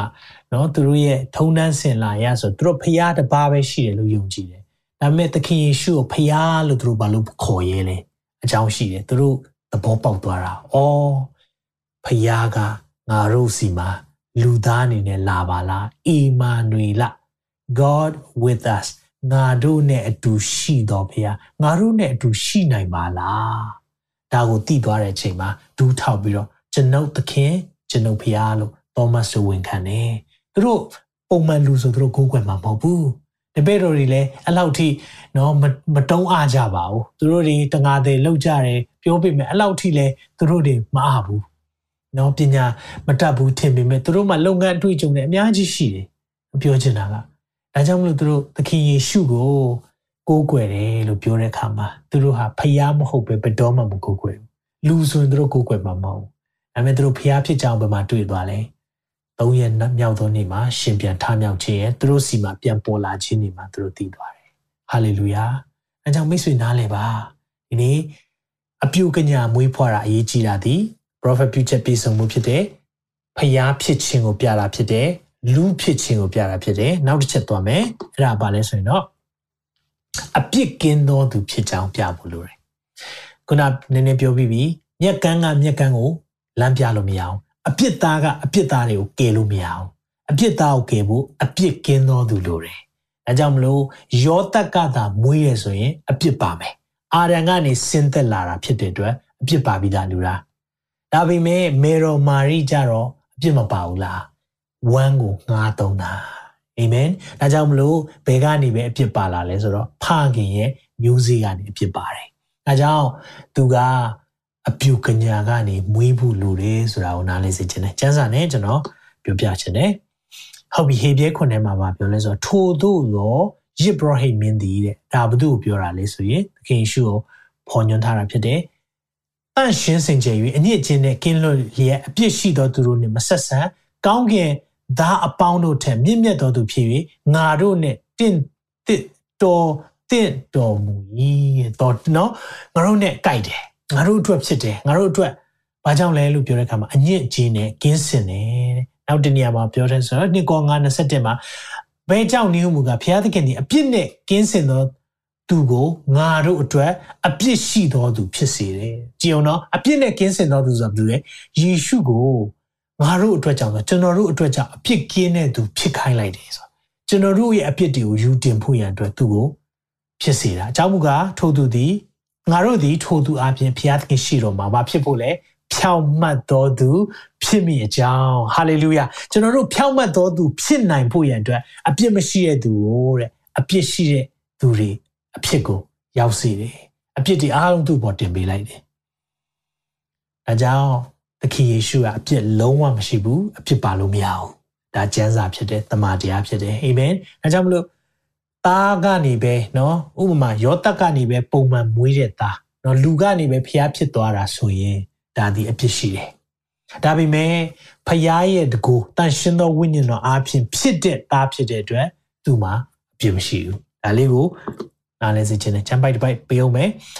ပေကျုနော်တစ်ပေနှစ်ထဲမှာပြောလဲဆိုတော့တစ်ပေနှစ်20နှစ်မှာထိုသခင်သည်ဒုစရိုက်ကိုမပြုတ်နော်သူပြမလို့ဘူးနှုတ်တော်၌လည်းမူတာကိုရှာမတွေ့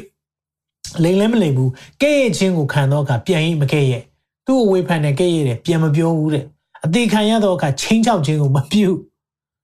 တရားသဖြင့်စီရင်တော်မူသောသူ၌ကိုကိုကိုအနံ့တော်မူကဲသူဟာသူအနံ့လိုက်တာငါတို့သည်အပြစ်နဲ့ဆိုင်သောအရာ၌အသေးဖြစ်၍ဖြောင့်မခြင်းအရာ၌သက်ရှင်စေမိကြောင်းငါတို့အပြစ်များကိုကိုတော်တိုင်တက်တိုင်မှာခံတော်မူပြီးတန်ချက်တော်အဖြစ်တန်ချက်တော်များအဖြစ်ငါတို့သည်အနာပြောက်လျက် ရှိကြ၏ဟာလေလုယာဒါကြောင့်ကျမ်းမာခြင်းလိုချင်တဲ့လူဒီနှုတ်ကပတ်တော်အမြဲတမ်းကင်ဆွဲထားဖို့လိုတယ်ကျွန်တော်ရဲ့အဖြစ်တွေကိုကားတိုင်းပေါ်မှာသခင်ယေရှုအပြင်ခံသွားပြီဒါကြောင့်မလို့ကိုရောခံရတဲ့ဒဏ်ချက်တင်ကျွန်တော်ကျမ်းမာပြီကျွန်မကျမ်းမာပြီဟာလေလုယာဒါပါပြလဲဒုစရိုက်မပြုတ်ဘူးမှုတာလည်းမရှိဘူးဖခင်ရဲ့အပြစ်ကင်းစင်တဲ့အကြောင်းအရာကိုပြောပြတာဖြစ်တယ်ဟေဘရဲလေးထဲမှာဆက်ပြောထားပါတယ်ဟေဘရဲလေး15မှာငါတို့ယစ်ဘရဟိမင်းသည်ငါတို့ခံရသောဆင်းရဲဒုက္ခများကြောင့် မကျင်နာနိုင်သောသူမဟုတ်ဘူးပြောချင်တာနားမလည်ဘူးမဟုတ်ကိုချင်းတအားစာလို့ရတယ်။ဘာကြောင့်လဲဆိုတော့ तू ကိုယ်တိုင်ကြုံသွားလို့သင်ဒုက္ခခံရတာ तू ခံဘူးတယ်။သင်မောတာ तू မောဘူးတယ်။သင်စာလောင်တာ तू စာလောင်ဘူးတယ်။သင်ကဲ့ရဲ့ခံရတာ तू ကဲ့ရဲ့ခံဘူးတယ်။သင်မဟုတ်တာပြောခံရတာ तू လည်းမဟုတ်တာပြောခံရဘူးတယ်။သင်ညင်းပယ်ခံရတာ तू လည်းညင်းပယ်ခံရဘူးတယ်။မိတ်ဆွေ အရာအားလုံးရှိတဲ့အတွက်မကျင်နာနိုင်တော့သူမဟုတ်ဘူး။အဲကြောင့်ကျင်နာတော့သခင်ဆိုတာဘာကြောင့်လဲသိလား။မိတ်ဆွေခံရတဲ့အရာလေး तू ခံဘူးလို့အယမ်းသိတယ်။ကိုချင်းစာတတ်တယ်ပေါ့ပြောမယ်ဆိုရင်ဒီနေ့ကိုချင်းစာရဲဆိုတာတခါလေလေကျွန်တော်တို့ကိုချင်းစာစိတ်ဆိုတော့ကိုယ်တိုင်ကြုံပြီးမှပဲသိတာ။ကိုယ်တိုင်ကြုံဖူးတဲ့အရာဆိုပိုသိတယ် အခု covid ကြောင့် covid 19မိတဲ့သူတွေတခြား covid 19ဖြစ်တဲ့သူကိုချင်းပိုစာလို့ရတယ်မဖြစ်ဘူးတဲ့သူတက်။ဘာလို့ကိုယ်တိုင်ခံတဲ့အခါမှာဘယ်လောက်အထိခံစားရတယ်ဆိုတာသိတယ်။သခင်ယေရှုကလေသင်အတွက်သင်ကြုံခဲ့တဲ့အရာအကုန်ခံစားဖူးတယ်။ဒါကြောင့်မလို့ဒီနှုတ်ကပတ်တော် one of my favorite ကျွန်တော်အရင်ကြိုက်တဲ့နှုတ်ပတ်တော်ဖြစ်တယ်။သခင်ကျွန်တော်နာကျင်တာကျွန်တော်ကိုရောရှိကိုတိုးဝင်လေကိုရောခံဖူးတယ်နော်။ကိုရောနာကျင်ဖူးရကျွန်တော်လေအခုချိန်မှာကြုံရလို့ ကိုရောကိုယေရှုတင်တယ်ဟာလေလုယာဘာပြောထားလဲငါတို့ခံရသည့်ဤသို့အမျိုးမျိုးသောစုံစမ်းနှောက်ယှက်ခြင်းကိုခံဖူးသောသူဖြစ်တော်မူ၏တို့ရာတွင်ဒုစရိုက်ဖြစ်နေကင်းလွတ်တယ်ကျွန်တော်တို့ကကြာစုံစမ်းခြင်းမကြော်နိုင်ဘူးလဲသွားတယ်ဒုစရိုက်ဖြစ်ပြုလုပ်မိသွားတယ်ဒါပေမဲ့သခင်ကတော့အဲ့ဒီအတိုင်းပဲတဲ့ခံဘူးတယ်ကြုံဘူးတယ်ဒါပေမဲ့လူစရိုက်ဖြစ်နေกินလွတ်တယ်မကျင်နာနိုင်တဲ့သူမဟုတ်ဘူးမိတ်ဆွေဒီနေ့ ခံစားရလားလူတွေရဲ့ဝေဖန်ခြင်းကြောင့်ခံစားရတယ်ဆိုရင်သင်ရဲ့သက်တာမှာလေဘုရားရှင်လမ်းပြပါစေဘုရားရှင်ပို့ဆောင်ပါစေဘာကြောင့်လဲသခင်ကောင်းကောင်းနားလေတယ်သင်ကိုလေကိုချင်းစာလို့ရတယ်လူတွေကသင်ကိုအရာမသွင်းတဲ့အရာသူကိုယ်တိုင်သူ့ရဲ့လူမျိုးတွေကသူ့ကိုညှင်းလိုက်တယ်ဒါကြောင့်လေကျွန်တော်တို့အတွက်ကောင်းကြီးဖြစ်သွားတယ်ခါလီမှာတင့်ကိုညင်းလိုက်တဲ့တင့်ကိုတကားပိတ်လိုက်တဲ့လူတွေအတွက်လေစိတ်မဆိုးနဲ့ အဲ့ဒီတကားပိတ်တဲ့အတွက်လေတချို့နေရာမှာတကားပွင့်သွားတယ်တကယ်တော့ဒီနောက်ကပတ်တော့ကျန်းစာကိုဘာသာပြန်ပေးတဲ့ဆရာကြီးယူသန်မြန်မာနိုင်ငံလာဖို့မဟုတ်ဘူးမြန်မာနိုင်ငံကိုလာဖို့အစီအစဉ်ရှိတာမဟုတ်ဘူးသူတို့သွားမဲ့တနေရာအဆင်မပြေတဲ့အတွက်တခြားဘယ်နေရာသွားလို့ရလဲဆိုမြန်မာနိုင်ငံလည်းရှိတယ်ဆိုတော့ဟုတ်ပြီဒါဆိုလည်းမြန်မာနိုင်ငံသွားလိုက်မယ်ဖះအတွက်ပေးဆက်မယ်လို့ဝန်ခံပြီးသားဖြစ်တဲ့အတွက် အဲ့ဒီတကားပိတ်သွားတဲ့အတွက်ကျွန်တော်တို့ကောင်းကြီးမဖြစ်ဘူးလားကောင်းကြီးဖြစ်သွားတယ်ဒီနေ့ကျွန်တော်နားလည်စေချင်တယ်မိတ်ဆွေဖះကလေတင်းရဲ့ခံစားချက်ကိုသိနာလဲတယ်အဲ့လိုခံစားချက်နားလဲတဲ့အခါမှာကျွန်တော်တို့အတွက်ကိုချင်းစားတယ်မကျင်နာနိုင်တဲ့သူမဟုတ်ဘူးယေရှုဟာကျင်နာနိုင်တော်သူဖြစ်တယ်လို့ဝန်ခံရအောင်ခေါမရေးပါအောင်သခင်ကျမရဲ့ ခံစားချက်အားလုံးကိုတော့နားလည်လို့ယေရှုတင်တယ်လို့ဝန်ခံရအောင်ကျွန်တော်ရဲ့ခံစားချက်အားလုံးကိုတော့နားလည်နိုင်လို့ယေရှုတင်တယ်လို့ဝန်ခံရအောင်မိတ်ဆွေရဲ့ခံစားချက်အားလုံးကျွန်တော်နားမလည်နိုင်ဘူးဒါဝန်ခံတယ်မောင်နှမတွေခံစားချက်တွေအထူးသဖြင့်နောက်ဆုံးပြောမယ်ဆိုရင်ကိုယ့်ရဲ့အိမ်တောင်ဖက်ရဲ့ခံစားချက်တောင်ကျွန်တော်အားလုံးနားမလည်နိုင်ဘူးဒါပေမဲ့သခင်ကနားလည်နိုင်တယ်သူဤရာအားလုံးကိုကြုံပြီးတော်သူဖြစ်တယ်အကြောင်းမိတ်ဆွေတခြားလူရင်မဖွင့်ပါနဲ့သခင်ထံရင်ဖွင့်ပါ။ ဘာကြောင့်လဲသိလား။ရင်ဖွင့်ပြီးရင်ပြန်ပိတ်ရသိခက်တယ်။ Facebook ကရင်ဖွင့်မဲ့နေရာမဟုတ်တင်းတငယ်ချင်းမဟုတ်ဝရတွေကအယောက်9000ရှယ်တင်းတငယ်ချင်းမဟုတ်အလုံးလက်ခုပ်တီးနေတတ်တယ်တကားလေး။ပောက်ကွဲတယ်ဟာလားဒီတယောက်ပောက်ကွဲနေပြီထုံးစံတိုင်းပေါ့ပြောလိမ့်မယ်။ဒီနေ့သခင်စီမှာပဲရင်ဖွင့်ပါ။သခင်စီမှာပဲခြေကွဲပါ။သခင်စီမှာပဲငိုကြွေးပါ။တင့်ကိုနားလေတော်သူဖြစ်တယ်။ဟာလေလုယာ။ကျမ်းပိုက်နောက်ပြပါအောင်မယ်နော်။ဟုတ်ပြီ။နောက်တစ်ခု နော်ဆိုတော့ယောမငါအငယ်၁၈မှာထို့ကြောင့်တယောက်သောသူဤပြစ်မှားခြင်းအဖြစ်လူပေါင်းတို့သည်ပြစ်စီရင်ခြင်းနှင့်တွေ့ကြုံရသည့်ဤသူတယောက်သောသူဤဖြောင့်မတ်ခြင်းအဖြစ်လူပေါင်းတို့သည်အသက်နှင့်ရှင်သောဖြောင့်မတ်ရာသို့ရောက်ခြင်းအခွင့်ကိုရတယ်။သခင်ယေရှုရဲ့ဖြောင့်မတ်ခြင်းတယောက်သောသူအဖြစ်ဘာကြောင့်လဲအာဒံအဖြစ်အားလုံးအပြည့်ရောက်သွားတယ်။ဒါပေမဲ့နောက်ဆုံးအာဒံဖြစ်တဲ့သခင်ယေရှုအဖြစ်ကျွန်တော်အားလုံးဖြောင့်မတ်ရာသို့ရောက်သွားတယ်ဆိုတဲ့အကြောင်းကိုကျမ်း စာပြောထားတယ်။ကြောင့်မူကတယောက်သောသူသည်နားမထောင်သောအဖြစ်ငါတို့သည်အပြည့်ရောက်သည်နည်းသူတယောက်သောသူသည်နားထောင်သောအဖြစ်လူများတို့သည်ဖြောင့်မတ်ရသူရောက်တယ်။ဟာလေလုယာ။မိတ်ဆွေဒီနေ့ကျွန်တော်ရဲ့အသက်တာမှာကြည်တဲ့အခါမှာဒီဖခင်ရဲ့နာခံခြင်းသူလည်းအယံကိုခံစားရပါတယ်။အလိုတော်ဝန်ခံတာလုံးဝမလွယ်ဘူး။မလွယ်လို့လည်းနောက်ဆုံးညမှာဤခွက်ကိုလွန်သွားနိုင်ရင်လွန်သွားခြင်းနဲ့ဒါပါအနေနဲ့ဆူတောင်းတာလေလူသားအနေနဲ့ဆူတောင်းတာ လူသားအနေနဲ့သူဒါကိုကြုံရတဲ့အခါမှာသူလည်းမရင်ဆိုင်ချင်ဘူးဒါပေမဲ့ဖះအနေနဲ့じゃတိနေတယ်ဒီရဲ့အရာမှာနာကျင်ခြင်းတွေရှိမယ်ဒါပေမဲ့အဲ့နာကျင်ခြင်းအပြီးမှာတော့ဘုံကြီးခြင်းရှိရဲဆိုတာသိတယ်ဒါပေမဲ့လူသားအနေနဲ့ကြတော့ကိုရောဒါကြီးကြုံရမှာကျွန်တော်လည်းမကြုံချင်ဘူးသူလည်းလူသားဖြစ်တဲ့အတွက်ဝန်ခံတယ်ဒါပေမဲ့ဖះလည်းဖြစ်တဲ့အတွက်ဒီအရာအားလုံးကိုကြိုသိနေတယ်သူလောက်ရမယ်ဆိုတော့ကြိုသိနေအကြောင်းသူတပည့်တွေကိုပြောတာငါဒီခွက်ကိုတောက်ရမယ် ရှောင်လွှဲလို့မရဘူးဟာလေလုယာတယောက်သောသူရဲ့နာခံခြင်းအဖြစ်သင်နဲ့ကျွန်တော်လွတ်မြောက်တယ်ဟာလေလုယာအကြောင်းဒီနေ့ comment ယူပါအောင်နာခံသောသခင်ကြောင့်ကျွန်ုပ်လွတ်မြောက်တယ်နာခံသောသခင်ကြောင့်ကျွန်ုပ်ဖြောင့်မတ်တယ်နာခံသောသခင်ကြောင့်ကျွန်ုပ်ထာဝရသက်ရတယ်လို့ဝန်ခံရအောင်ဟာလေလုယာအာမင်အာမင်အမဆက်ကြည့်တဲ့အခါမှာနံပါတ်5ချက်နောက်ဆုံးချက်ဖြစ်တဲ့ဖခင်ရဲ့တကူတော်ကိုပြသဖို့ ဒီနေ့ဘာကြောင့်မလို့အပြုကညာမွေးဖို့လို့လဲဖျားတကူတော်ပြချင်လို့ဖျားတကူတော်ပြဖို့လို့တယ် prophet ပြုချက်တွေပြည့်စုံမယ်ဖျားဟာလူတရားဖြစ်တယ်ဖျားလည်းတရားရခင်လုံးဖြစ်တယ်ဆိုတာပြချင်တယ်အပြစ်ကင်းတယ်ဆိုတာပြချင်တယ်ပြီးတော့ဖျားရဲ့တကူပြချင်တယ်ခုနကျွန်တော်တို့ဖတ်ပြီးပြီဒါဘယ်လိုလုပ်ဖြစ်နိုင်မလဲအငယ်30ခုမှာဖျားသခင်တတ်နိုင်တော့မမူတော့အမှုမရှိဘူးအဲကြောင့်ဒီနေ့ယုံကြည်ပါ နေဘာကြောင့်မလို့အပြူကညာမွေးလဲမယုံနိုင်ဘူးကွာငါတို့မမြင်ဘူးကွာကျွန်တော်တကယ်ချင်းတရားပြောတယ်အဲ့တော့မင်းတို့ CCTV တွေဘာမှမရှိတာဘလို့ပြောနိုင်မှာလဲအမျိုးမျိုးပြောခြင်းလိမ့်မယ်အဲကြောင့်ဒီနေ့ကျွန်တော်တို့ကနားလည်ဖို့ကတမန်ကျမ်းစာပြောထားလို့အာမင်တမန်ကျမ်းစာပြောထားတဲ့အရာယုံကြည်လို့ရတယ်။ဘာကြောင့်လဲတမန်ကျမ်းစာက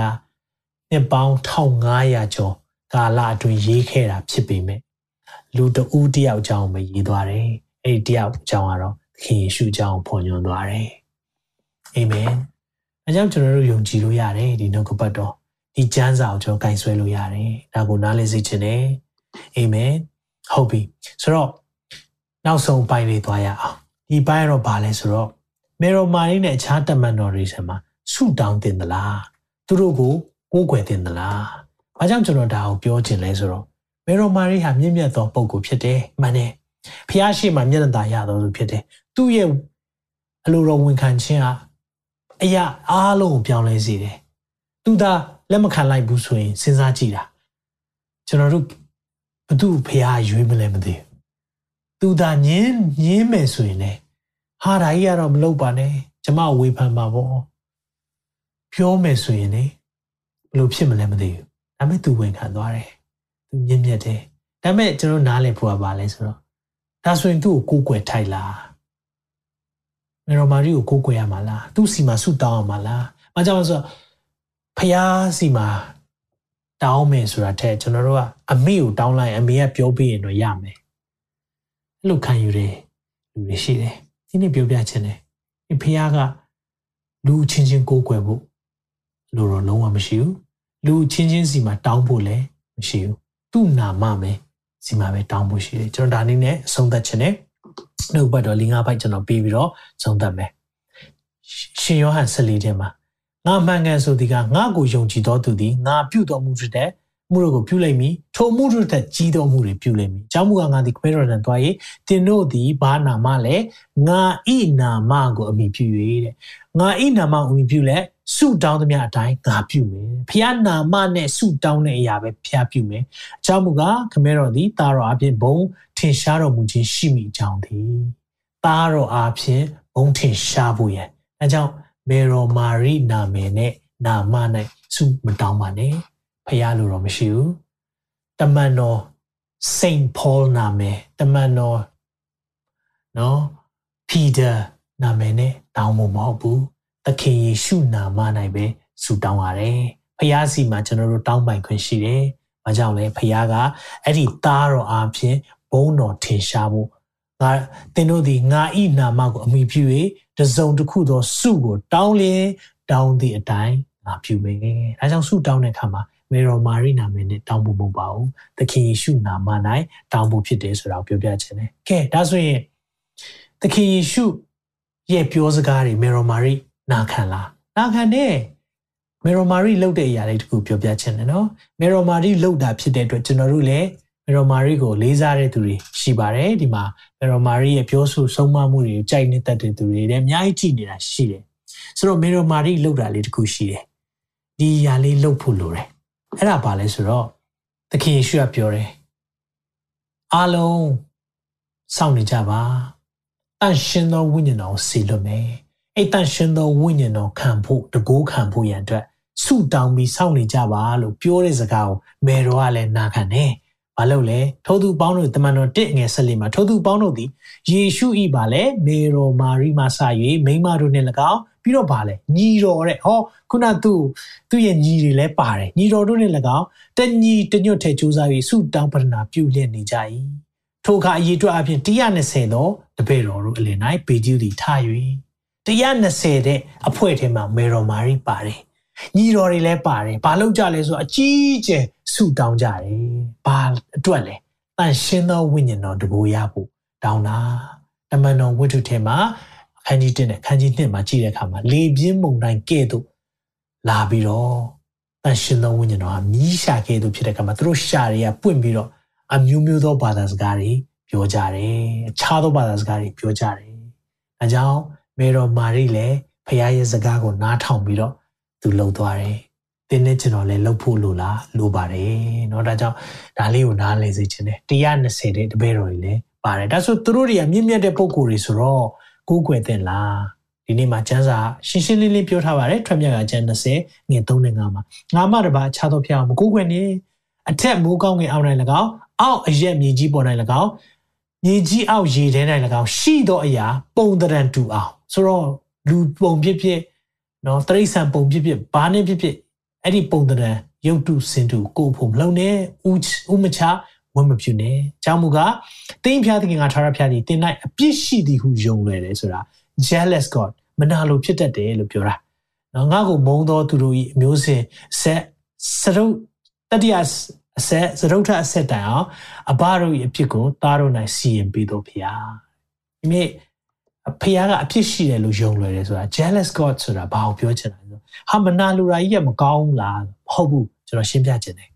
အခုကျွန်တော်တို့ဇနီးမောင်နှံနေဆိုရင်ပိုနားလေလိမ့်မယ်เนาะကိုဇနီးမောင်နှံကိုဇနီးတဲ့ကိုချစ်တဲ့ခါမှာเนาะကိုချစ်တဲ့တယောက်ကိုเนาะတခြားကောင်လေးတယောက်ကနေရီးသက်သက်လုပ်မယ်ရီးစားစာပေးမယ်ဆိုရင်အေးကောင်းတယ်ဆိုတင်ငြိမ်နေမလားစိတ်တုံမယ်ဒေါသထွက်မယ်မနာလို့ဖြစ်တယ်ဆိုအဲ့ဒါကိုပြောတာဖခင်ကကျွန်တော်တို့သိချစ်တဲ့ခါမှာ သင်ကလောကနဲ့မိသားရဖွင့်ပြရမကြိုက်ဘူးသင်ဟာတခြားဖရားကိုကိုယ်ဖရားမကြိုက်ဘူးဘာကြောင့်လဲဆို तू ဟာအကောင်းဆုံးဖရားဖြစ်တယ် तू ကသင်ကိုတိတ်ချစ်တဲ့အခါမှာအပြစ်ရှိတယ်လို့ယုံလွယ်တယ်ဆိုတာ jealous ဖြစ်တယ်မနာလိုဖြစ်တယ်ဆိုတဲ့အဓိပ္ပာယ်ဖြစ်တယ်အပြစ်အတွက်မနာလိုဖြစ်တာမဟုတ်မနာလိုတာလို့ပြောတဲ့အခါမှာကောင်းသောမနာလိုခြင်းသူ့ကိုပဲအားကိုးစေချင်တာဖြစ်တယ်။ဘာကြောင့်လဲဆိုတော့သူပဲအကောင်းဆုံးပေးနိုင်တာဖြစ်တယ်။ဒါကြောင့်သင်တခြားမှာသွားတဲ့အခါမှာဘုရား စိတ်မကောင်းဖြစ်တယ်။ဒါကိုပြောချင်တာဖြစ်တယ်။ဆိုတော့ကျွန်တော်တို့ရုပ်တုတွေမလုပ်ရဘူးတဲ့မကိုးကွယ်ရအောင်ဒါပဲလားလို့ပြောတဲ့အခါမှာလူလူချင်းအောင်ကိုယ်ကွယ်လို့ရလားတချို့လာမေးတယ်ဥမချရအောင်ဆိုတဲ့နှုတ်ပတ်တော်ပေးပါဒီနေ့အနည်းဆက်ဆုံးကျမ်းစာထဲမှာပြောမယ်ဆိုရင်တော့တမန်တော်30ထဲမှာရှိတယ်နော်အငယ်24မှာထို့နောက်တနေ့၌ကဲသရီမြို့သို့ဝင်ကြ၍ကောနီလီကောနီလီဆိုတာနော်ဒါအီတလီတက်မှုမိမိအဆွေမျိုး မိတ်ဆွေခင်မများကိုစုဝေးစေပြီးလေထိုသူတို့ကိုမျှော်လင့်နေနေကြ၏ပေတျုရောက်လာတော့အခါကောနီလီသည်ခီးဦးကြိုပြူ၏တော့ပေတျုလာတဲ့အခါမှာကြိုတာပေတျုဤခြေရင်၌ပြက်ဝတ်လျက်ကိုးကွယ်လေဤပေတျုတခါတည်းရှစ်ခိုးလိုက်တာနော်ပြက်ဝတ်ကိုးကွယ်လိုက်တဲ့ခါမှာဘာပြောလဲပေတျုသည်သူ့ကိုချီပင်းရဲ့တခါတည်းမှားပြလိုက်တယ်ထလောငါကိုယ်တိုင်လူဖြစ်သည်ဟုဆို၏မကိုးကွယ်ခိုင်းငါလည်းလူပဲ လူလူချင်းကိုးကွယ်လို့ရလားဟုတ်လားခုနနော်တပည့်တွေလာရှ िख ိုးတဲ့ခါမှာလက်ခံလို့ရလားလို့နေတဲ့ခါမှာလူလူချင်းဖြစ်တယ်ဆိုရင်လေးစားတာကိုတော့ကျေးဇူးတင်ပါတယ်ဒါပေမဲ့မကိုးကွယ်ပါနဲ့เนาะဒါမျိုးပြောဖို့ဖြစ်တယ်ဒါကြောင့်ဒါကြောင့်ကျွန်တော်လူလူချင်းကိုးကွယ်လို့မရအောင်เนาะ Saint Paul Saint Peter Saint Thomas ဘာစိတ်ပဲဖြစ်ဖြစ်အားလုံးဒီလူပဲဖြစ်တယ်ဖယားမဟုတ်ဘူးမေရိုမာရီမြင့်မြတ်လားမြင့်မြတ်တယ် ဒါပေမဲ့လူပဲဖြစ်တယ်ကိုးကွယ်ဖို့မဟုတ်ဘူးဆိုတာကိုဒီနေ့မှာနှုတ်ကပတ်တော်အဖြစ်တမန်တရားကတမန်ကျမ်းစာရဲ့သွန်သင်ချက်ကကျွန်တော်တို့တွေ့တဲ့အတိုင်းပဲဖြစ်ပါတယ်เนาะဟုတ်ပြီဆိုတော့ဒီမှာဗာပြောလဲဆိုတော့ယောမတစ်တဲမှာအဲ့လိုကိုးကွယ်တဲ့သူတွေဗာဘသူတွေလဲဆိုတော့သူတို့ဒီဆိုတာเนาะဒီလို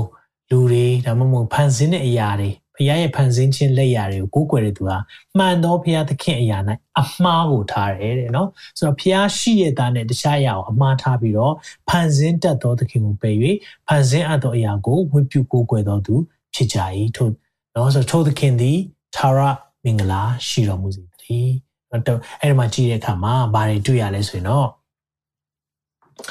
ကိုးကွယ်ခြင်းမမားဖို့သွန်သင်ထားရဖြစ်တယ်ဖယားတပါးသာလင်ကိုးကွယ်ထိုက်တယ် ဒါပေမဲ့ကျွန်တော်မေရိုမာရီအခုခရစ်စမတ်ဇက်ကောင်များမှာကြည့်တဲ့အခါမှာ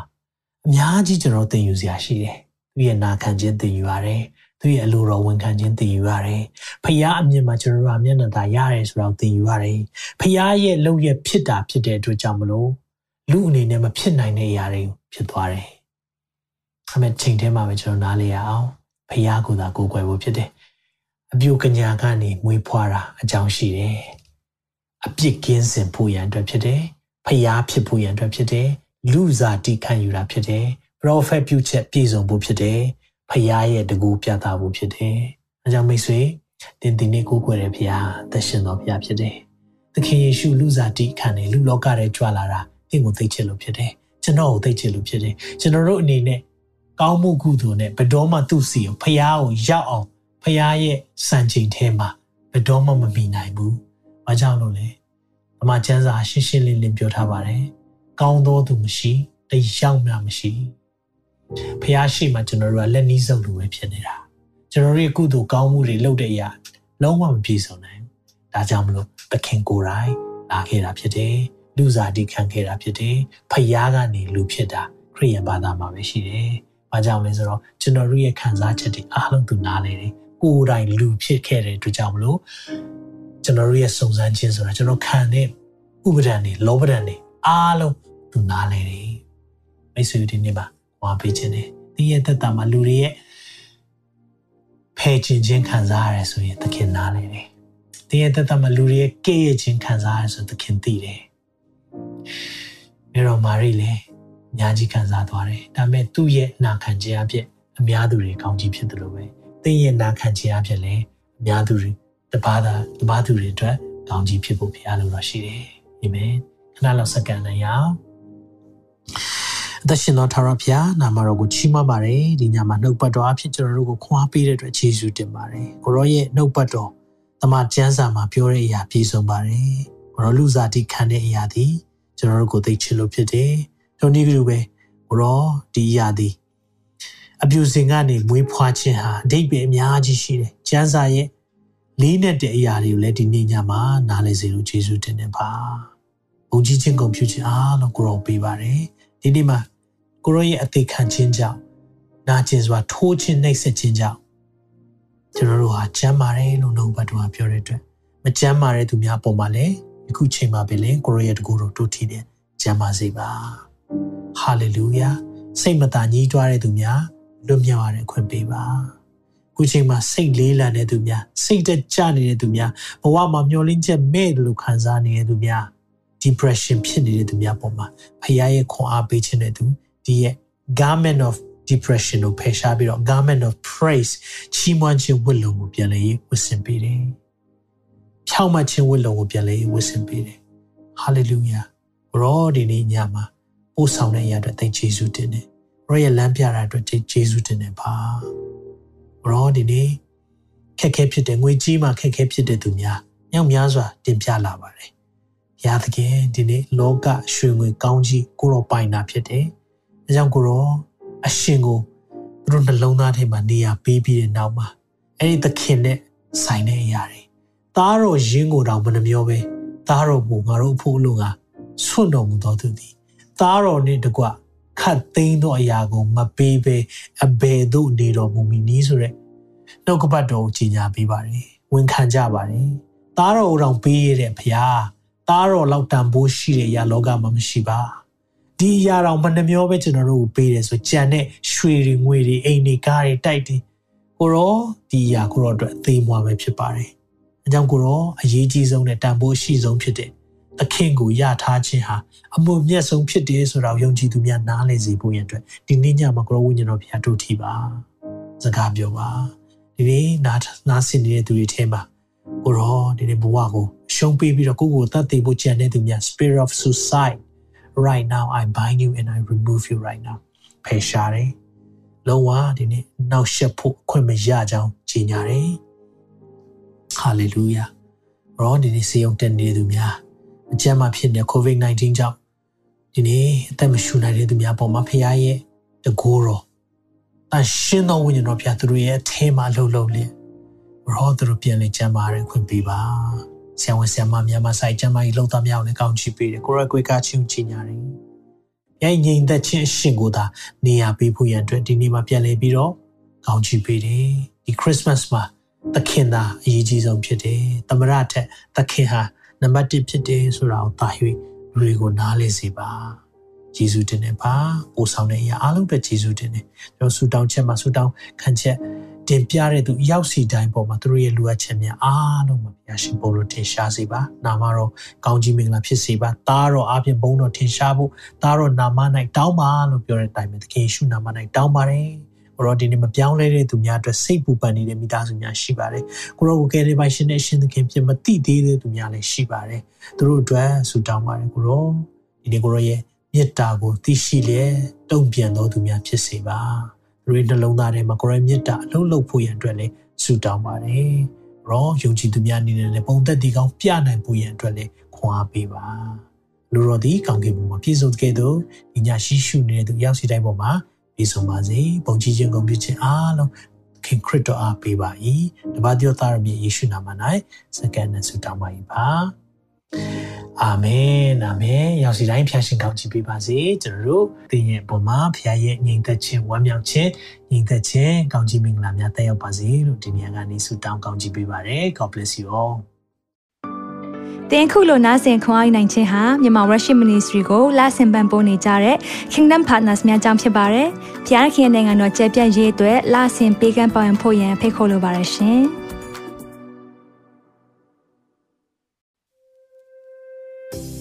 အခုကြားနာခဲ့ရတဲ့နှုတ်ပတ်တော်အဖြစ်ခွန်အားရရှိမဲ့လို့ယုံကြည်မျှော်လင့်ပါတယ်။ခွန်အားရဆိုလို့ရှိရင်ဒီတစ်ပတ်နဲ့ပြန်လည်ဝင်မြပေးဖို့ရန်တောင်းဆိုပါရစေ။ မြန်မာ Worship Ministry ရဲ့ website myanmarworship.com ကိုလည်းလာရောက်လေ့လာဖို့ရန်တွဲဖိတ်ခေါ်ချင်ပါတယ်။တချိန်တည်းမှာမြန်မာ Worship Ministry ရဲ့ social media platform များဖြစ်တဲ့မြန်မာ Worship YouTube Channel, မြန်မာ Worship Facebook Page နဲ့မြန်မာ Worship Instagram များကိုလည်းလာရောက်လေ့လာဖို့ရန်တွဲဖိတ်ခေါ်ချင်ပါတယ်။နောက်တစ်ချိန်မှာပြန်လည်ဆုံတွေ့ကြပါစို့။ဖျားရှင်ကောင်းကြီးပေးပါစေ။